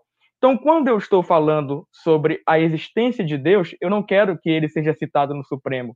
Eu não quero que os filósofos morais, né, inclusive os clássicos, aqueles que apresentam as discussões sobre epistemologia moral, falem de Deus, porque eu não estou discutindo epistemologia moral ou como eu conheço o que é certo e errado. Mas eu estou dizendo que se existem critérios, existem critérios para definir o que é certo e errado, e se existe um bem como parâmetro, ele pode muito bem servir como âncora para demonstrar que esses critérios são confiáveis. Isso cita bastante a Bíblia e o cristianismo, e é por isso que eu digo que esses argumentos não são religiosos. Um teórico do comando divino não precisa ser um cristão, ele pode ser um, um judeu, um hindu, um budista. Né? Existem vários, vários pensadores uh, do, do, da teoria do comando divino. Bem, essa foi a minha última fala sobre o assunto. Eu não sei se a gente está tentando, eu queria falar sobre os evangelhos. O senhor fez uma crítica no vídeo à, à, à historicidade de Jesus Cristo, como é colocado nos evangelhos, mas eu vou deixar assim o senhor Tá Só para finalizar, Edric. A sua palavra contrária. É porque um assunto vai puxando o outro, né? Então tu, tu acabou puxando outro assunto que eu acho É verdade. No final sempre vai ficar algo sem resposta, porque se a gente é, vai ficar de infinito aqui. E nem é esse o objetivo, né? Exaurir e tal, mas eu acho que existem contrapontos importantes né, dentro dessa, dessas falas. Então, olha só. Ateísmo não haveria critério se o nazismo vencesse a Segunda Guerra. Para mim, isso é completamente equivocado. vou te dar três argumentos, né? Na minha concepção. Primeiro, como tu já sabes, né? Só fazer um ajuste, eu não disse isso. Eu disse que, no caso, esses critérios seriam diferentes dos critérios antinazistas. Seriam tá. critérios nazistas, da moralidade nazista. E quem diria que esses critérios estavam errados? Isso, esse é o ponto. Cultural. Isso, é esse o ponto. Então, para mim, o que acontece? É, o Freud, no Futuro de uma Ilusão, e também Moisés e Totem, né, que são dois textos dele, ele diz, e tu já conheces essa fala, né, até no início do vídeo você falou, que o ser humano, ele, diante da sua desgraça, né, de não conhecer a origem do universo, o que acontece depois da morte, diante das suas intensas dúvidas, ele cria um Deus para suprir essas lacunas, servindo como uma muleta. Então, o Deus, né, na opinião de Freud, seria uma ilusão, na opinião de Marx, seria uma alienação de controle de massas, e Deus, ele surge como uma forma de preencher lacunas do desconhecimento. Deus surgiu quando caiu o primeiro raio que fez o fogo. Não devia ser, não tinha explicação. E quanto mais a ciência avança, menos ah, Deus vai tendo importância no mundo. Tanto é que a maior parte dos países com IDH alto não são mais religiosos, né? a maior parte é de ateus, com a exceção dos Estados Unidos, é a única exceção no mundo. Mas isso tem uma explicação histórica dos pais protestantes da, da colonização. Mas o que, que eu quero dizer? Se no ateísmo os critérios objetivos são ruins para definir o que é certo ou errado numa moralidade, então, no caso do cristianismo, propriamente falando, os critérios seriam piores ainda. Eu vou dar alguns exemplos. Gênesis 3.16. Multiplicarei grandemente a tua dor e a tua conceição. Com dor darás a luz a teus filhos, e o teu desejo será para o teu marido, e ele te dominará. Mas, se te apartares do teu marido e te contaminaste, algum homem fora do teu marido se deitou contigo, então o sacerdote fará jurar a mulher com um juramento de maldição, e o sacerdote dirá: O Senhor te ponha por maldição e por praga no meio do teu povo, fazendo-te o Senhor consumir a tua coxa e inchar o teu ventre. E essa água amaldiçoante entre as tuas entranhas para te fazer inchar o ventre te fazer consumir a coxa. Então a mulher diz: Amém. E aquela mulher será por maldição no meio do seu povo. Deuteronômio 22, 13 e 15. Quando o homem tomar uma mulher e depois de coabitar com ela desprezar e lhe imputar coisas escandalosas e contra ela divulgar má fama, dizendo: Tomei esta mulher e me cheguei a ela, porém não achei virgem. Então o pai da moça e sua mãe tomarão os sinais da virgindade da moça e levarão aos anciãos da cidade. Porém, se isso é verdadeiro, isto que a virgindade não se achou na moça, então a moça vai à porta da casa do seu pai e os homens da cidade a apedrejarão, porque ela não é virgem. Que morra, diz assim Deuteronômio, né? É, quando o homem é tomar uma mulher, melhor é morar num só canto de telhado do que uma mulher briguenta com uma casa ampla. Eclesiástico 42, 14. Um homem vale mal vale mais que uma mulher que faz bem, mas que causa vergonha e confusão. Coríntios Coríntios 11, 7, 9, o homem não deve cobrir a cabeça, visto que ele é a imagem e glória de Deus, mas a mulher é glória do homem, pois o homem não se originou da mulher, mas a mulher é do homem. É, e aqui eu não vou mais falar, porque assim, tem Timóteo, é, muitas situações assim absurdas, de genocídio, de maus exemplos, etc. Então, assim, se o ateísmo ele não tem parâmetros objetivos, os nossos parâmetros, na minha opinião, é Feboyar é, é, é, e Habermas, né, são os parâmetros democráticos, e há parâmetros, sim, racionais, construídos do que sociedade quer construir para si. Se os padrões forem, por exemplo, né, dos textos bíblicos, tirando o Novo Testamento, é, também seria difícil ter uma, um apego cego a esse texto escrito lá dois anos atrás. E isso porque eu, eu pedi a palavra, porque esse já entra no novo assunto, no assunto que você falou uh, dos, do Novo Testamento, etc.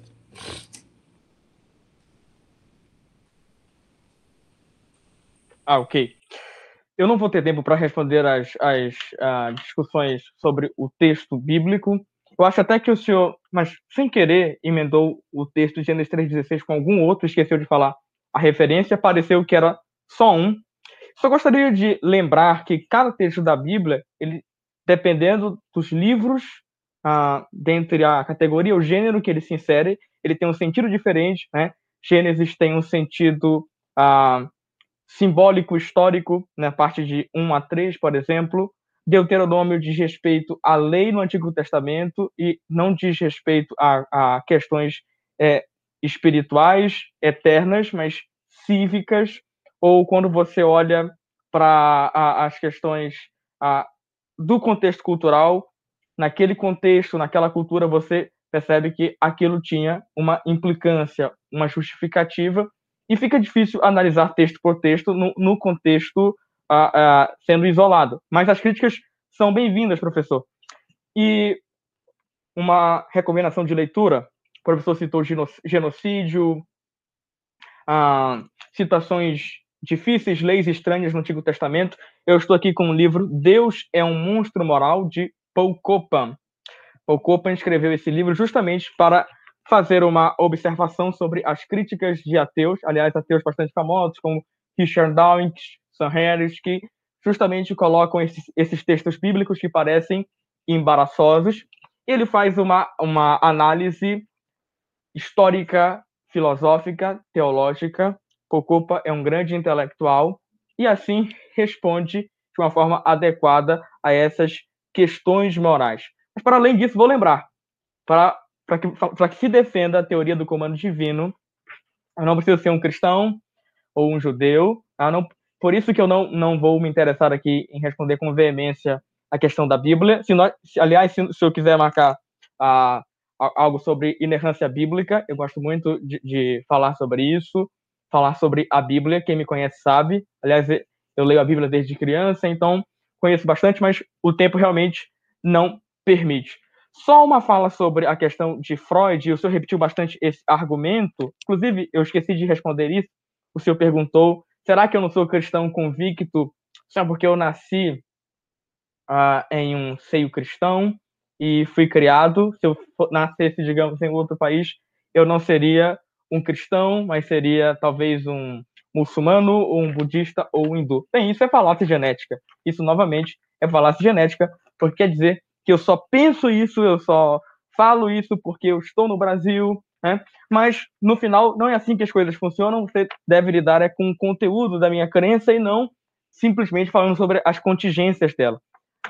Bem, esse, existe, o, existe o argumento cosmológico para a existência de Deus, que é a partir da existência do universo, e se o universo começou a existir, então teria uma causa que fosse além do universo. Infelizmente, nós também não temos tempo para discutir esse argumento, professor. Mas eu queria lhe fazer uma pergunta, e fico muito triste porque eu gosto bastante do argumento cosmológico, uh, sobre os evangelhos. Por exemplo, o cristianismo ele nasce em um, um seio judaico de um monoteísmo radical.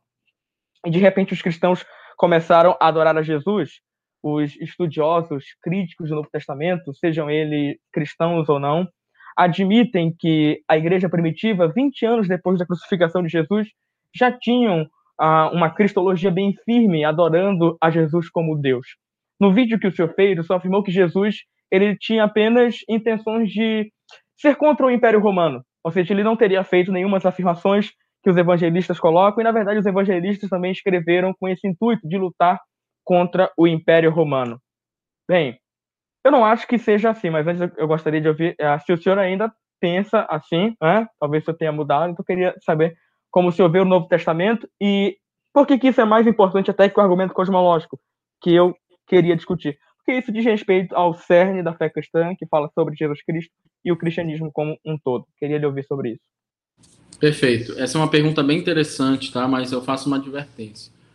É, a discussão, né, do Jesus histórico, né, e incomoda bastante os cristãos, né? Eu mesmo cheguei a conversar com alguns padres quando eu ainda estava no período de transição para o ateísmo. É, conversei, conversei com alguns professores é, universitários que são católicos sobre essas questões. E incomoda bastante porque se Jesus foi um personagem só histórico e lutou contra o Império Romano, então todo o resto desmorona. Se ele não ressuscitou, não existe cristianismo. Né? É, inclusive, há um documentário que eu vi que de uma discussão que existe na Inglaterra entre protestantes e cristãos. Né? E, e há um consenso lá dos intelectuais. Né? Jesus Cristo tem que ter ressuscitado. Se ele não ressuscitou. Protestantes e católicos, o senhor diz? Protestantes e católicos, perdão. Protestantes e católicos, exatamente.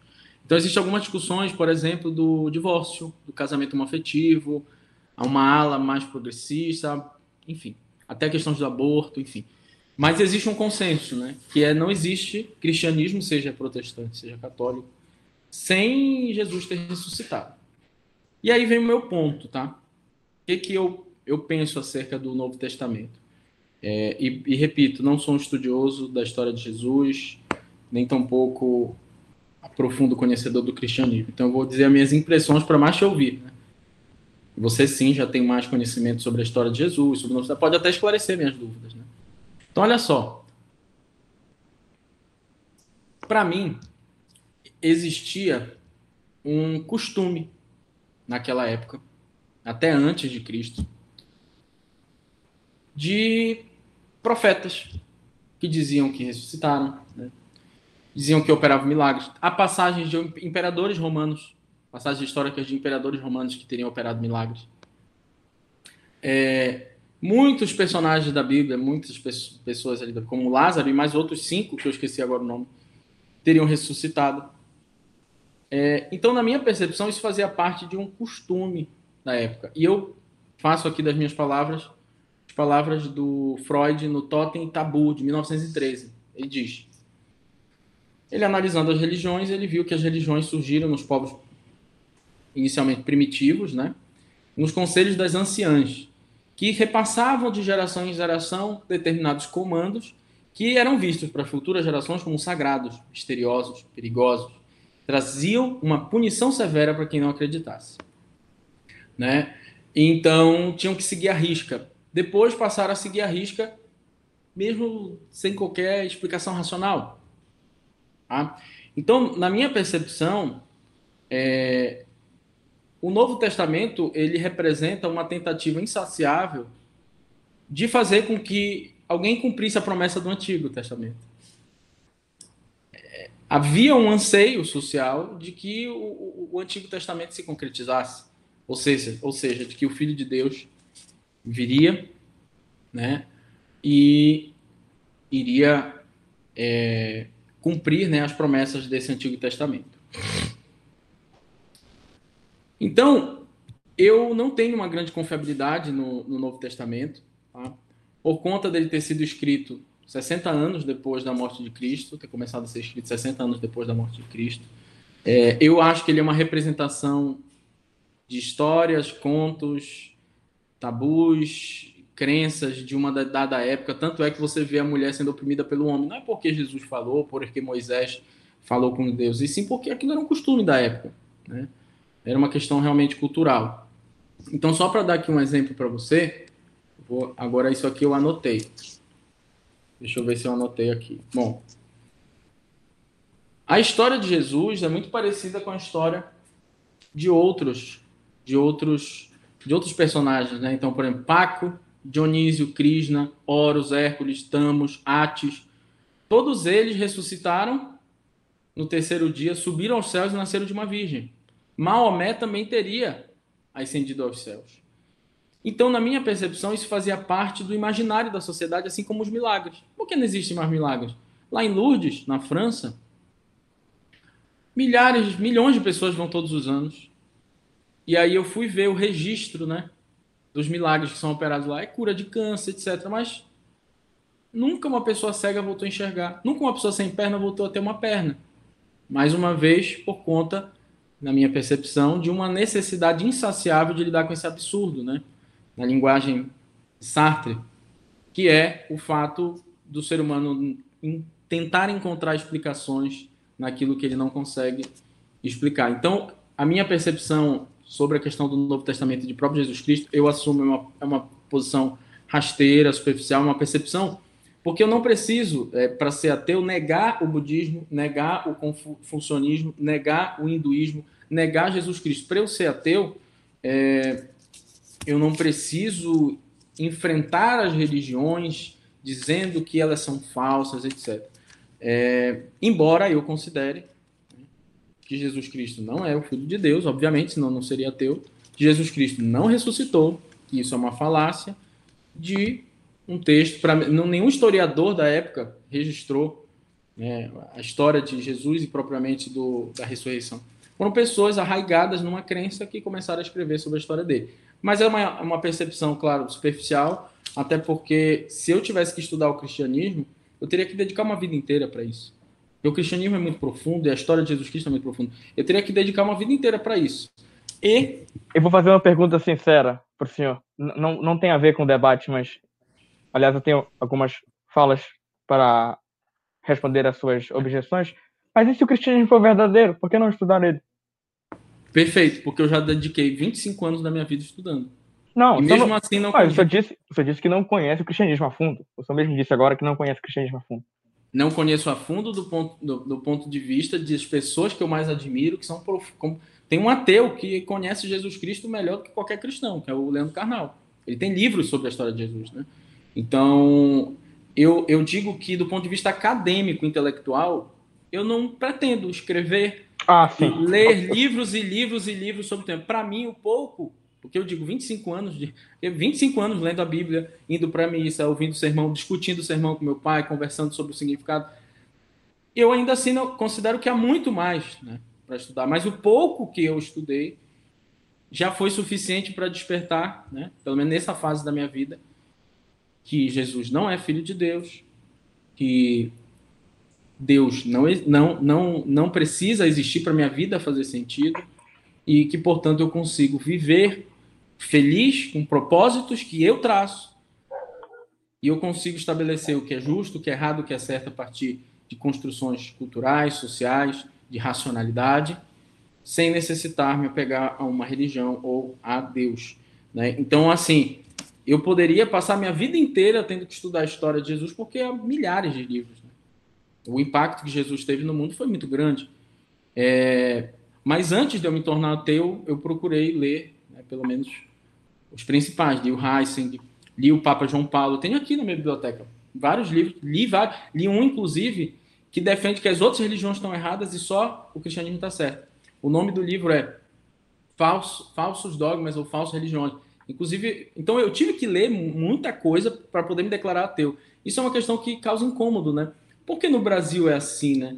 Porque para ser religioso basta ser batizado, e você diz que é cristão, ou, ou enfim, em outros países basta nascer, você já é islâmico. Agora, para ser ateu, é uma tortura, né? uma via crucis, porque você precisa é, desagradar os amigos, desagradar os familiares de uma religião predominante nesse país, né? nesse país cheio de mazelas sociais, cheio de, de crenças arraigadas. Pessoas que escreveram há dois mil anos atrás tem que me ajoelhar para pedir desculpa para uma pessoa que nasceu dois mil anos atrás.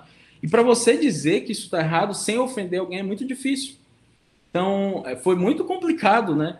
É, eu publicamente, né, diante dos meus familiares, principalmente, né, dizer, olha, eu casei, tudo e foi o estopim. Fui procurar ler muitas coisas, não li tudo que existe no mundo sobre Jesus, nem sobre religião, porque um dos argumentos, meu pai ainda em vida, ele sabia que eu era ateu, eu conversei muito com ele, e ele chegou a me apresentar o Deus de Spinoza, né? Não, Deus na verdade é tudo, está em tudo.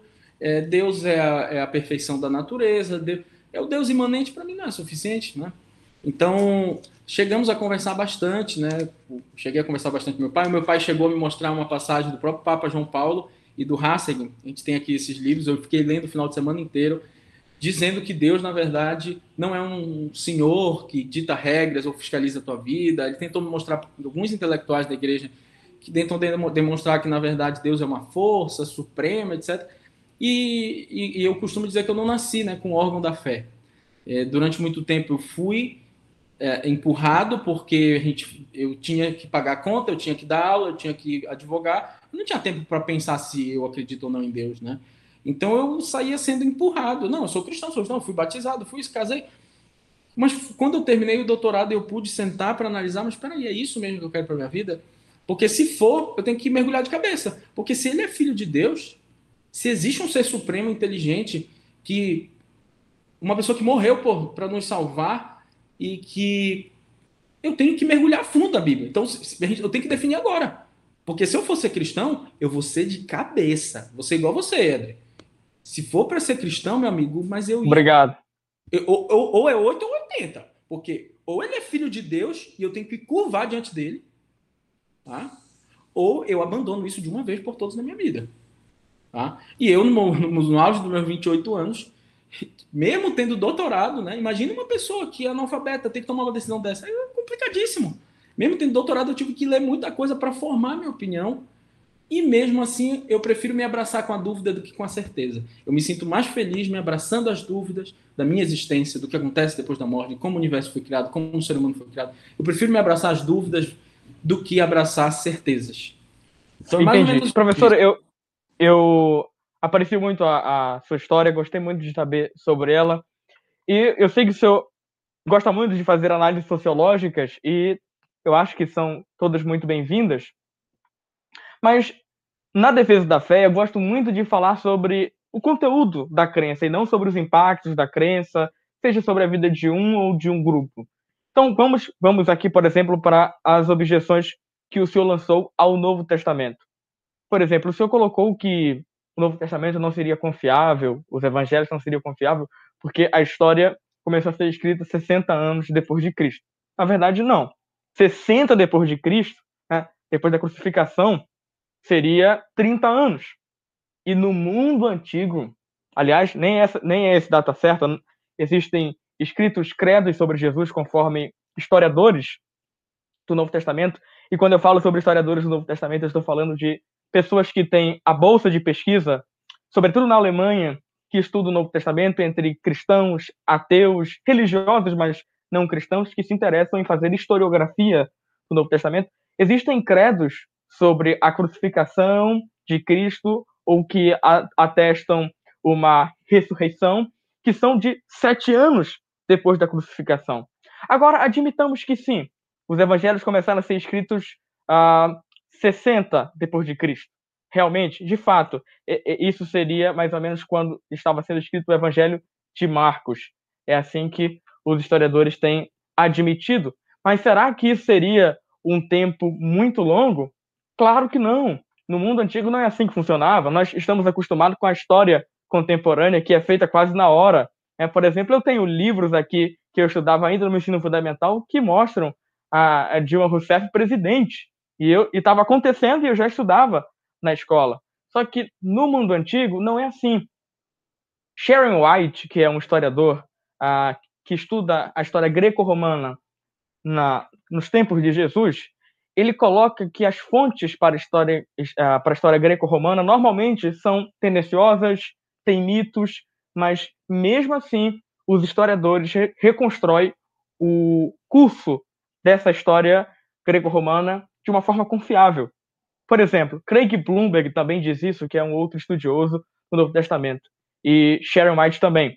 Duas biografias, as biografias mais antigas de Alexandre o Grande, feita por Ariano e Plutarco, ah, foram feitas quatro séculos depois da existência, depois de, depois de Alexandre o Grande ter morrido. Mas ainda assim, os historiadores consideravam confiáveis. Quando o senhor fala sobre Jesus Cristo, eu estou falando de, se o senhor coloca 30 anos, que é 60 depois de Cristo, 30 anos após a crucificação, pelo amor de Deus, no mundo antigo isso é algo de última hora. Então, se for para descartar a confiabilidade dos evangelhos por causa do tempo, eu acho que esse não seria um critério importante, um critério relevante que é, nos desse alguma conclusão que fosse certeira. Agora, quando o senhor fala, por exemplo, sobre que isso estava na mentalidade das pessoas, ah, que ah, a ressurreição era algo muito comum, na verdade, não. A verdade que os estudiosos do Novo Testamento e da cultura ah, da época, os estudiosos da cultura neotestamentária, ali no judaísmo, o que eles entendem é que, na verdade, não existia nada parecido com o que foi afirmado pelos primeiros cristãos. Vamos com calma. Por exemplo, o senhor fala sobre Horus, Dionísio. É claro que isso é muito veiculado no ateísmo popular e existem documentários e documentários que falam sobre isso. Mas não existem autores sérios, não existem. Não existe, não existe um historiador, até mesmo do Seminário Jesus, existe um grupo de historiadores e estudiosos do Novo Testamento da Alemanha, formado por ateus, agnósticos ou então cristãos de uma ala mais liberal que não tem tanto compromisso, digamos, em afirmar a ressurreição de Jesus. Mesmo eles não admitem que aquilo que os cristãos disseram tem algum parâmetro parecido com essas pessoas. Não houve essa história de ressurreição após o terceiro dia. Aliás, a ressurreição é algo que é particular do sistema religioso judaico-cristão. Mesmo que se eu fale de Horus ou outros deuses que, sim, sobrevivem à morte, mas é uma sobrevivência à morte que independe do corpo. A ideia de uma ressurreição corporal é judaico-cristã. Você não vê isso em nenhuma outra religião, de que esse corpo será aproveitado em uma ressurreição. Isso é algo sem parâmetro algum. Agora, os judeus do primeiro século não tinham a ideia de uma ressurreição corporal antes do fim do mundo. E mesmo que se cite Lázaro, no vídeo que citou ah, o filho da Sunamita, aqueles casos não foram de ressurreição no sentido de Jesus Cristo. Nós, teólogos, fazemos uma diferenciação entre ressurreição e revivificação. Porque aquelas pessoas ressuscitaram, mas depois de um tempo elas morreram. Por isso é apenas revivificação. Quando Jesus ressuscita, o que os discípulos disseram, tá? E, e, e por exemplo, Gerhard Ludman, que é um historiador ateu, tá? Um historiador ateu do Seminário Jesus, inclusive, ele diz que deve ser considerado histórico que os discípulos tiveram experiências em que eles viram Jesus ressuscitado. É claro que Gerd Ludman não acredita nisso, quer dizer, não acredita que de fato era Jesus aparecendo, mas ele diz que de fato os discípulos tiveram essa experiência em que eles viram a Jesus ressuscitado. Então, quando os discípulos saíram anunciando a ressurreição de Jesus, eles, na verdade, encontraram muita resistência do sistema judaico. E aqui está a, a, a minha resposta à questão do Império Romano.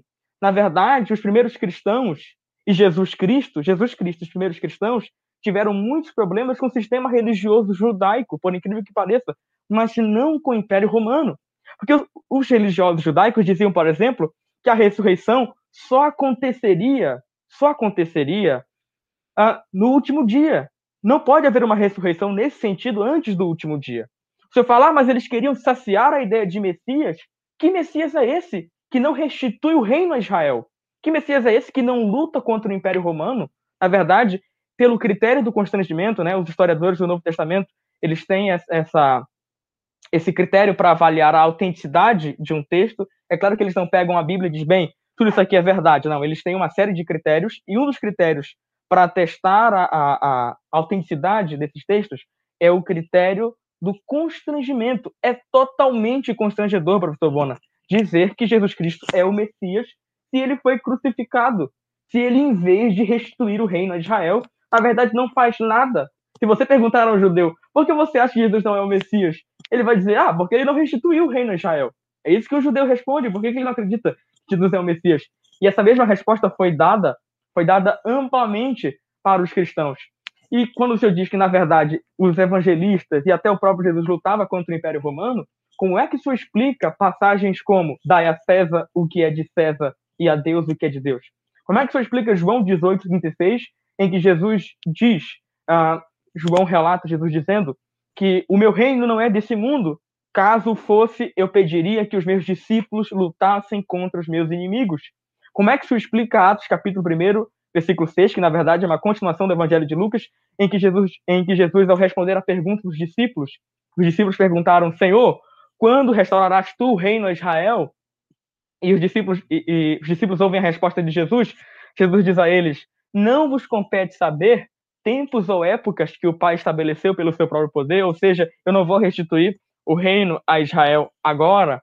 Então, isso é totalmente constrangedor e é por isso que mesmo os estudiosos do Novo Testamento, sejam eles céticos, rejeitam essas teorias muito populares que falam sobre uma imitação de teorias, eu diria que pagãs, entre aspas, ou então que o cristianismo estaria em adequação ao pensamento religioso da época, na verdade não. Agora, mais do que isso, existem bo bo bons indícios históricos que podem apontar para a ressurreição. E o senhor diz assim: ah, mas não existe nenhum historiador que tenha colocado o fato da ressurreição. A verdade existe. Os historiadores são os evangelistas. O problema é que quando você pega os evangelhos e você diz, bem, os evangelhos, aqui é a Bíblia, então eu devo desconfiar da Bíblia como um todo, que a Bíblia é um livro religioso e que faz, portanto, propaganda religiosa. Mas o que os historiadores, mesmo os mais céticos, têm feito é analisar o Novo Testamento com uma união de fontes do primeiro século que só mais tarde foram sacralizadas pela igreja. Os historiadores, quando olham para o Novo Testamento, eles veem ali história. Assim como os historiadores da Grécia Antiga, mesmo sabendo que aqueles, eh, aqueles relatos sobre a história greco-romana contêm lendas e mitos, eles sabem que podem tirar a história dali, assim os historiadores fazem no Novo Testamento.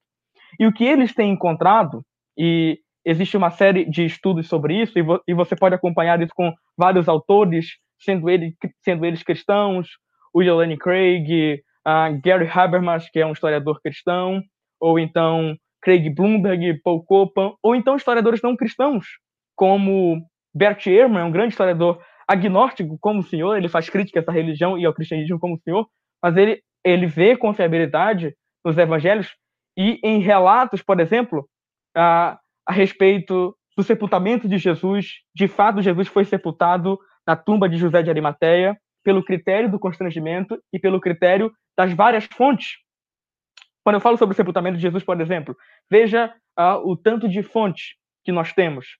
Na verdade, se diz que são quatro evangelhos, mas tá.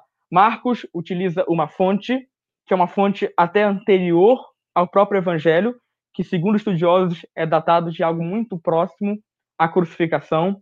Existe o relato de João, que é um relato separado.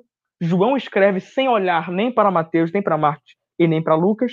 Existe uma outra fonte que os estudiosos chamam de fonte Q, que são as fontes de falas de Jesus, de discursos, e existem fontes exclusivas de Lucas, em que Lucas, como historiador, que inclusive inicia o seu evangelho como historiador grego, utilizando o grego clássico, uh, e inclusive uh, Colin Ermer, que é um historiador, diz que Lucas tem bastante confiabilidade quando ele fala dos lugares, das pessoas, tudo deve ser analisado com muita cautela quando se diz respeito a Lucas, porque Lucas realmente fez um trabalho com um bom historiador. Então vamos falar sobre o sepultamento de Jesus, por exemplo, na tumba de José de Arimateia.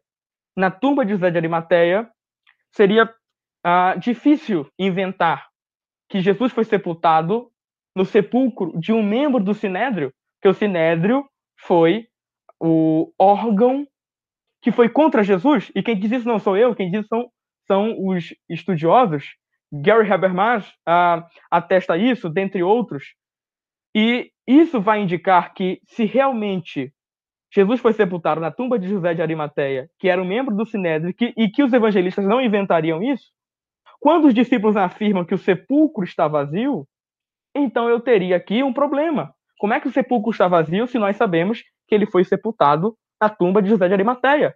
Outro detalhe: os evangelistas dizem que foram as mulheres quem encontraram o sepulcro vazio. Inclusive atestado por fontes independentes, como os estudiosos dizem.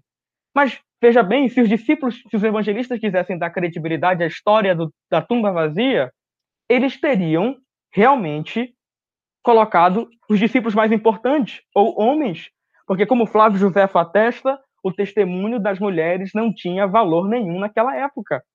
E por que então são justamente as mulheres que encontram a tumba vazia? É muito fácil para um judeu chegar e dizer: Isso é mentira.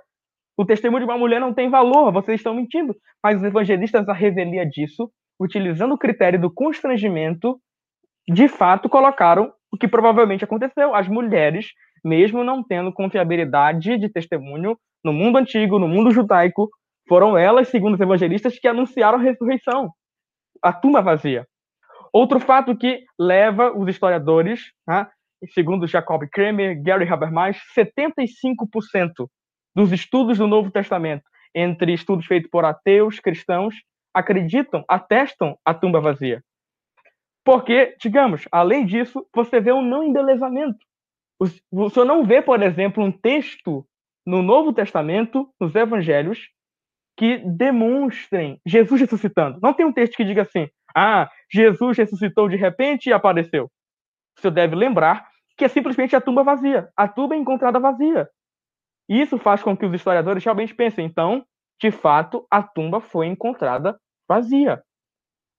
Além disso, nós temos a questão das aparições, que também, segundo Gary Habermas, dentre outros, ah, foi atestado em um credo muito antigo e que Paulo usa em 1 Coríntios 15. Esse credo está em aramaico. É perceptível que é um credo por causa da forma como Paulo coloca ele, que diz que Jesus apareceu aos doze, a Cefas, que seria Pedro em aramaico, a Tiago, que era irmão de Jesus, e inclusive Tiago não acreditava que Jesus era Senhor, e a outros 500 irmãos.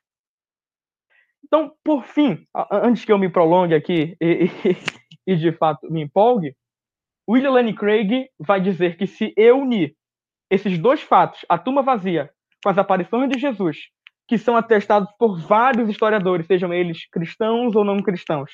Mas o fato de que os discípulos acreditaram na ressurreição de Jesus, mesmo que tivessem toda a predisposição ao contrário, um Messias que não restaurou o reino de Israel e assim por diante, eles ainda assim acreditaram e morreram por causa disso. Não adianta dizer que existem islâmicos que morrem, é diferente, né, que morrem por Maomé, é diferente, porque eu estou falando de discípulos que estavam dizendo que viram Jesus, que estão na mesma geração de Jesus, que estão no mesmo intervalo, que tem testemunhas oculares para dizer se eles estão errados ou não.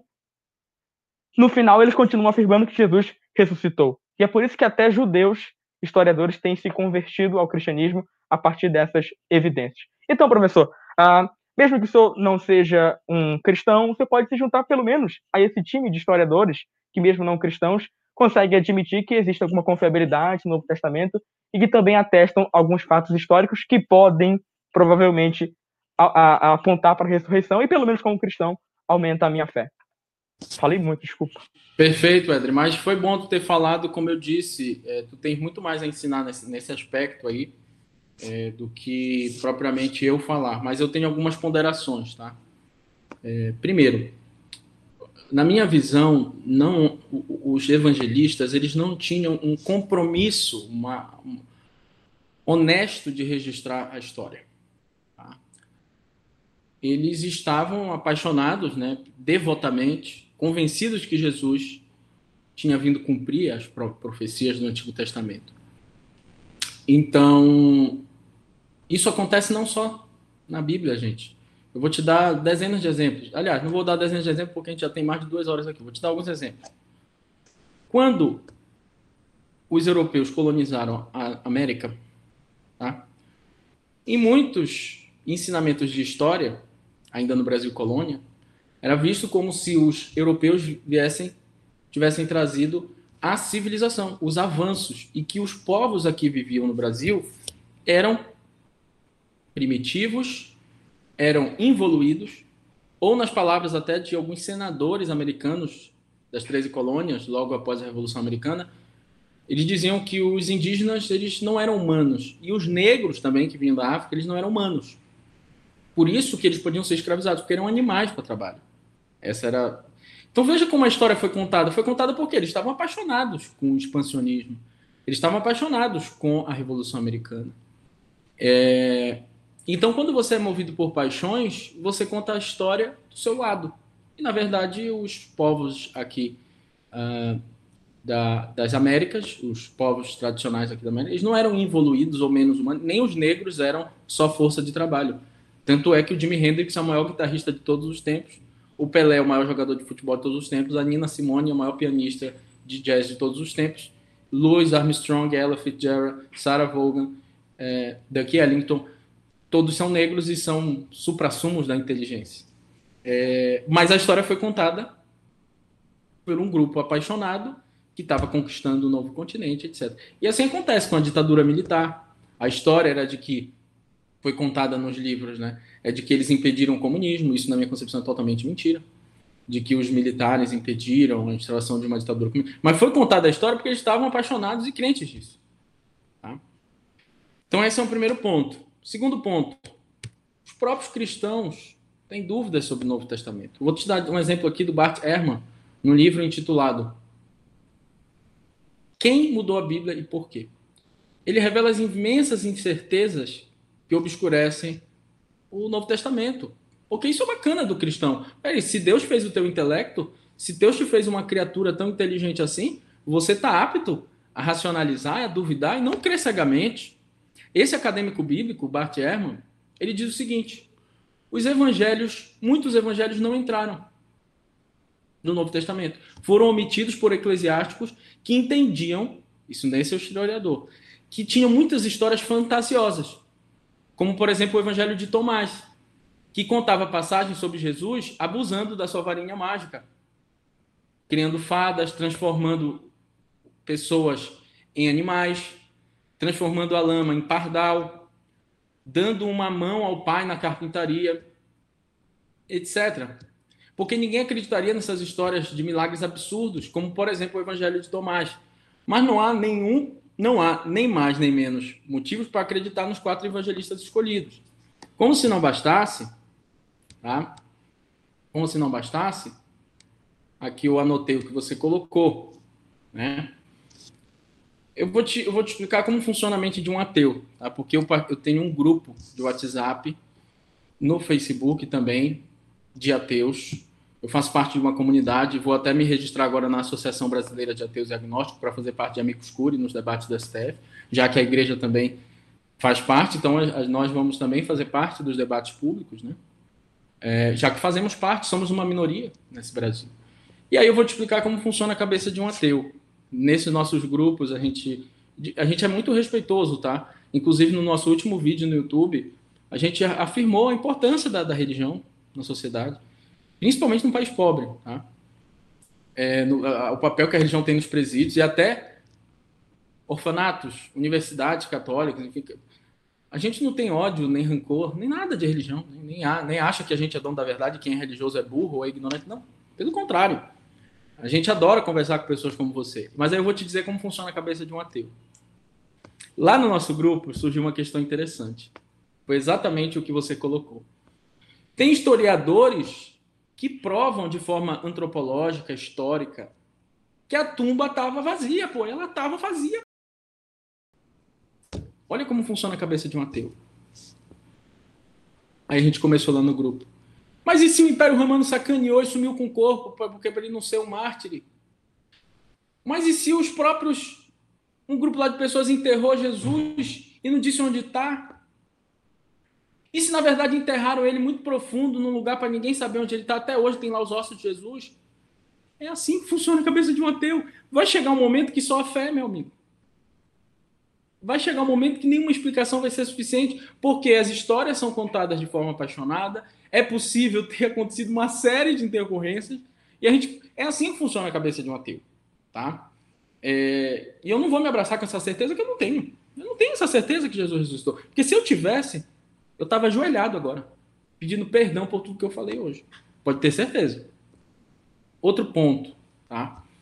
É, quando você fala que existiam cristãos é, muito antes do Constantino declarar o cristianismo como a religião oficial. Eu imagino que sim. Eu Aliás, imagino... eu não entrei nesse assunto, né? O senhor faz essa discussão no seu vídeo, eu não entrei nesse assunto. Na verdade, o cristianismo sim é do primeiro século.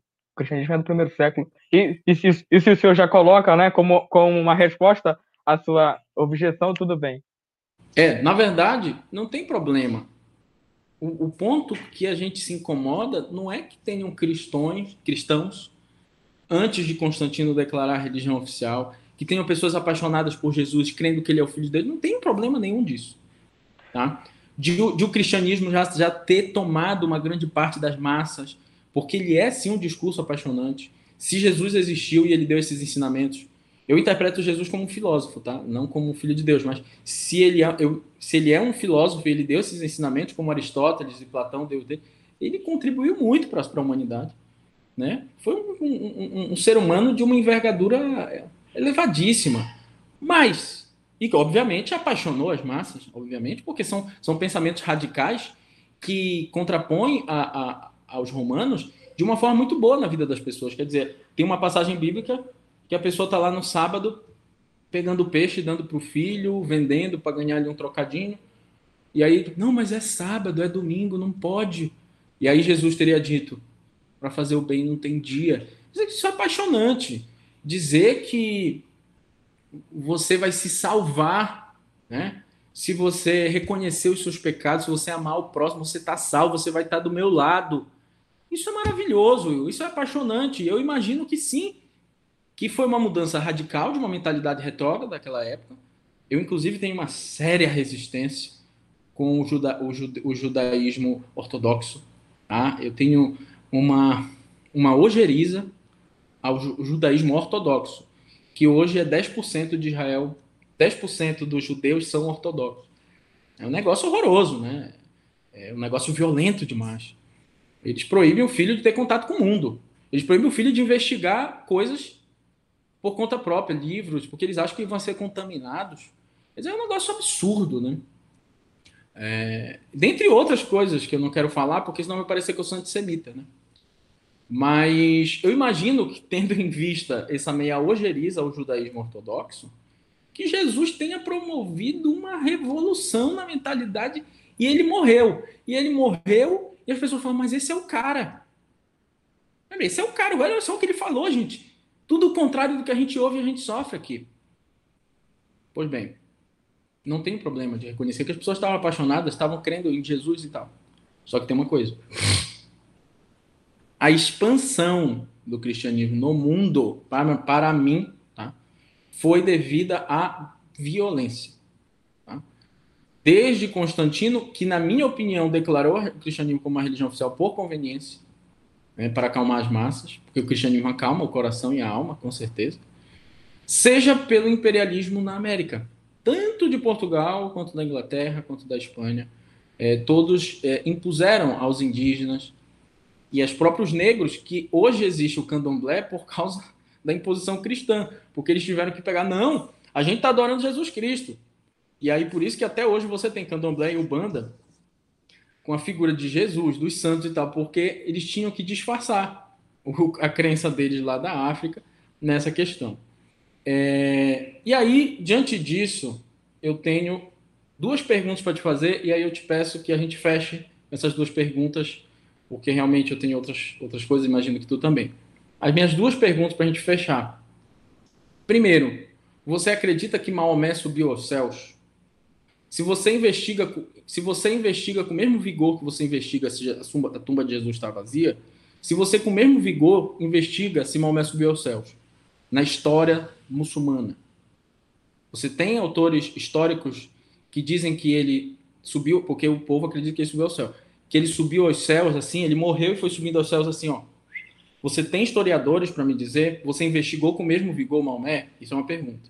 Que ao contrário do que as pessoas pensam, o Alcorão é um livro maravilhoso.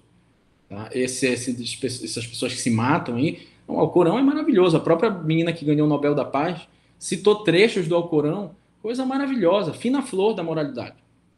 Você investiga com o mesmo vigor se Maomé subiu ao céu? Essa é a primeira pergunta. Tá? E a segunda pergunta é: se você tem um apego é, literal da Bíblia, por exemplo, homem não pode se deitar contra homem, não pode me divorciar porque homem e mulher são unicarne quando se casam. É, como você lida com isso, com essas questões de transformações da sociedade? É, a minha liberdade individual também é um aspecto essencial para o meu florescimento, para a minha dignidade. Se eu não quiser mais aquela mulher, a gente divide os bens, estabelece a guarda de filhos, vai embora. É claro que os filhos são melhor criados se o casal estiver junto, né? É melhor para a família continuar o casamento, obviamente, mas como você lida com essas questões do, da, do, da, da homossexualidade, do divórcio? Você tem um apego literal? Você tem uma leitura mais contemporânea? Você acha que é possível interpretar conforme o contexto da sociedade?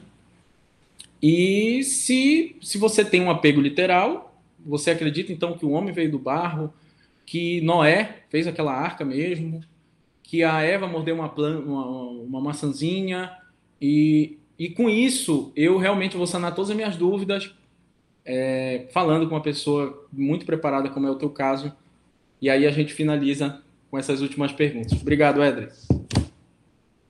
Obrigado, professor. Eu já estou uh, concluindo também. Espero que vocês que estejam nos assistindo e nos ouvindo tenham gostado do nosso diálogo, assim como eu. Então, vamos lá, sobre a questão ah, dos outros evangelhos. Felizmente eu parei de anotar, fiquei preso no seu discurso, parei de anotar, não lembro muito bem os pontos, mas, é, por exemplo, o evangelho de Tomé, professor, ele foi escrito 200 anos depois de Cristo. Se o senhor não quer confiar num evangelho que foi escrito 60 depois de Cristo, muito menos no Evangelho de Tomé, que foi em 200 depois de Cristo, no século II. Né? Isso segundo os próprios estudiosos. Bert Ehrman, que o senhor citou, na verdade não é um cristão. Não sei se o senhor quis sugerir isso. Estudioso bíblico. Estudioso bíblico. Sim, ele é um estudioso bíblico porque ele é um historiador do Novo Testamento, mas ele é agnóstico. Ele é, ele é como o senhor. Ele é um agnóstico beirando ateísmo. Inclusive, eu sugiro ao senhor um debate entre Bert Ehrman e William Lane Craig. É muito interessante com Bert Ehrman, que é um agnóstico ateu, ele não nega nenhum dos três fatos históricos que o William Lane Craig oferece a respeito do Novo Testamento, mas ele nega a explicação que o cristianismo dá a esses fatos históricos, e eu enumerei para o senhor os fatos históricos. Então, por exemplo, na verdade, quando o senhor fala que os cristãos tiveram, ah, os evangelistas escreveram de uma forma apaixonada? De certa forma, sim, porque eles escreveram com a intenção de passar o evangelho adiante, mas sem embelezamento. É novamente um critério de autenticidade que os autores do Novo Testamento, os estudiosos do Novo Testamento, conseguem enxergar. Quando você olha para o próprio evangelho de, de, de Tomé, por exemplo, sobre os milagres mais espantosos, você vê como o embelezamento está grande e existem lendas entrando. Inclusive, Sharon White, aquele historiador que eu mencionei, ele diz que para que as lendas comecem a aparecer, tem que ter esse espaço de séculos. E justamente dois séculos é o espaço entre Tomé e a, seja Cristo ou a igreja primitiva. O evangelho de Pedro, por exemplo, que é um outro evangelho apócrifo, mostra Jesus ressuscitando. Lembra que eu disse que os evangelhos não mostram Jesus ressuscitando? O Evangelho de Pedro mostra. E quando ele sai da tumba, sai uma cruz atrás dele e uma voz do céu: Esse é o meu filho amado em que eu me comprazo. Vê como está muito embelezado. Agora, não existe história sem paixão, não existe história sem construção subjetiva. Aliás, eu chamo aqui um historiador do direito, que o senhor certamente conhece, que é o Espanha, Manuel Espanha. Ele, ele, ele, na historiografia do direito mesmo diz, ele fala sobre isso, não sei, não, não lembro muito bem o nome do livro, parece que é Cultura Jurídica, algo assim, em que ele fala justamente sobre como o historiador tem essa subjetividade. Craig Bloomberg, que também é um estudioso do Novo Testamento, diz que não há nenhum problema em os evangelistas terem escrito com paixão. Por exemplo, vamos falar sobre os neonazistas. Os neonazistas, quando contam, só mesmo usou esse exemplo, né? Do, do caso dos daqueles que contaram a história ou quiseram impor a história aqui na América. Mas os neonazistas, por exemplo, tentam amenizar a, as, as, atrocidades que o nazismo fez ao contar a história do século XX. Já judeus não. Por que, que judeus já têm uma forma diferente de olhar a história? Por que, que historiadores judeus já têm uma forma diferente de contar o nazismo? Justamente porque tem sim uma, uma mensagem a passar através da história. Não existe história objetiva e como, como o positivismo demonstrava, né, a teoria do espelho, como espelhamento da realidade. Isso não é algo que se espera da história, muito menos da história antiga, muito mais lendária. Dentre as histórias antigas, não tenho medo de dizer isso, a menos lendária é a, a que menos tem conteúdo é, de embelezamento religioso é do Novo Testamento, por incrível que pareça. O próprio Bert Ehrman, mesmo que ele não acredite nos milagres que Jesus realizou, ele diz, por exemplo, deve ser considerado um fato histórico que Jesus realizou milagres. É, as pessoas entendiam que ele realizava milagres. E pode ver que não são igual os milagres narrados ali no Evangelho de Tomé, como o Senhor demonstrou justamente por essa falta de embelezamento. Então, existem muitas outras discussões. É, o senhor fala, por exemplo, sobre as, as diversas hipóteses para explicar a tumba vazia. O problema é que todas essas que surgem na sua mente, né? O senhor diz, eu vou explicar a minha cabeça de ateu. O problema é que todas essas teorias, é, sejam elas da alucinação, das aparições, o corpo de Jesus foi, foi roubado ou então não foi sepultado, na verdade já foram rejeitados. Desde o século XVIII até hoje já foram rejeitados por historiadores, por estudiosos do Novo Testamento. E é claro, mesmo esses que rejeitam, e esse é o mais interessante do, da cabeça de um ateu, né? porque mesmo os historiadores ateus que rejeitam as hipóteses que o Senhor demonstrou, eles ainda assim não querem acreditar a ressurreição de Jesus. Então a pergunta é, o tão quanto, é uma pergunta retórica, ok? É o tão quanto nós estamos, o Senhor está aberto a pensar na possibilidade de milagres, a existência do sobrenatural, ou então existe um preconceito ateísta, de que sempre haverá uma explicação que se sobressaia a sobrenatural e, portanto, inesgotável. O problema é que se esgota, essas explicações se esgotam, e como William Craig muito bem defende, a melhor explicação para os fatos históricos que apontam para uma tumba vazia, para uma aparição de Jesus após a morte dos discípulos, para uma, um florescimento do cristianismo ali no primeiro século, é justamente a ressurreição de Jesus. Então, na verdade, não foi nada apaixonante para os judeus ouvirem o que Jesus disse. Na verdade, o judaísmo massacrou o cristianismo no primeiro século. Tanto é que os cristãos judeus pararam por ali no primeiro século e depois é, os cristãos tiveram que ir para Samaria. Ou então Paulo, por exemplo, vendo a hostilidade judaica, que ele mesmo era hostil aos cristãos, vai viajar pela Ásia Menor, e é na Ásia Menor que o cristianismo vai encontrar uma resistência muito forte do Império Romano, e ali, naquele perímetro, ah, ah, e mais tarde na Europa, com os cristãos, o Império Romano, percebendo a força que o cristianismo tem, ah, por algum motivo, mesmo eles perseguindo os cristãos, na verdade, essa, essa história de amor entre Império Romano e cristianismo é muito encontrado nos, nos, nas teorias ateístas, mas não respeita os fatos, porque os fatos mostram que o Império Romano, na verdade, foi muito hostil ao cristianismo em relação aos cristãos que eram colocados nas arenas para serem perseguidos. De repente, Constantino percebeu que, de alguma forma, ele tinha ganho político, isso eu admito, mas aí nós entraríamos é, numa falácia genética novamente, em que você está dizendo, não, mas o cristianismo se expandiu assim, portanto ele é falso. Tudo bem, eu aceito as críticas sociológicas, tá? e ressalvando que o cristianismo é que constrói o Ocidente e existem pontos positivos.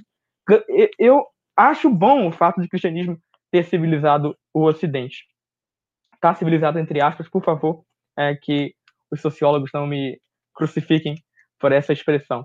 Agora sobre essas outras perguntas que são bem provocantes. Maomé subiu aos céus. Será que eu tenho feito uh, estudos históricos sobre se Maomé subiu aos céus? Por incrível que pareça, professor, esses mesmos historiadores uh, do Novo Testamento, sobretudo alemães, eles mesmos demonstram como o Alcorão não é confiável. Porque o Alcorão, por exemplo, fala de Jesus, sabia? O Alcorão fala que Jesus era um profeta de Maomé, fala que Jesus nasceu falando teologia islâmica, falam que Jesus não foi crucificado, existe uma sura no, no Alcorão, eu não notei aqui, uh, uh, mas que em que é, é afirmado que não crucificaram Jesus, não mataram a Jesus, isso é uma invenção cristã, ele não é o filho de Deus. O problema é que isso é anti-histórico. Jesus, de fato, afirmou ser filho de Deus. Isso é algo que os historiadores atestam. Quando Jesus dizia que era filho do homem, fazia milagres no lugar de Deus, dizia, como o Senhor mesmo disse, que a lei de Moisés dizia uma coisa, mas ele queria dizer outra. Ele estava se colocando no lugar de Deus, como filho de Deus. E se o Alcorão diz que Jesus não foi crucificado, ou que Jesus se via como um profeta de Maomé, eu posso muito bem rejeitar o Alcorão e, portanto, o fato de que Maomé era o enviado de Deus e que subiu aos céus e assim por diante.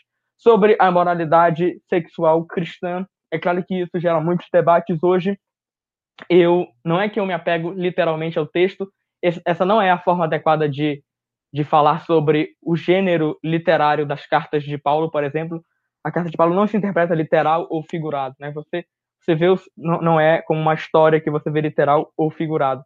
É justamente o que Paulo está dizendo, está afirmando com todas as letras que de fato existem questões de moralidade sexual que mesmo que não sejam admitidas por todos, os cristãos vão manter. Por exemplo, sexo fora do casamento, o divórcio ou sexo com ah, pessoas do mesmo gênero.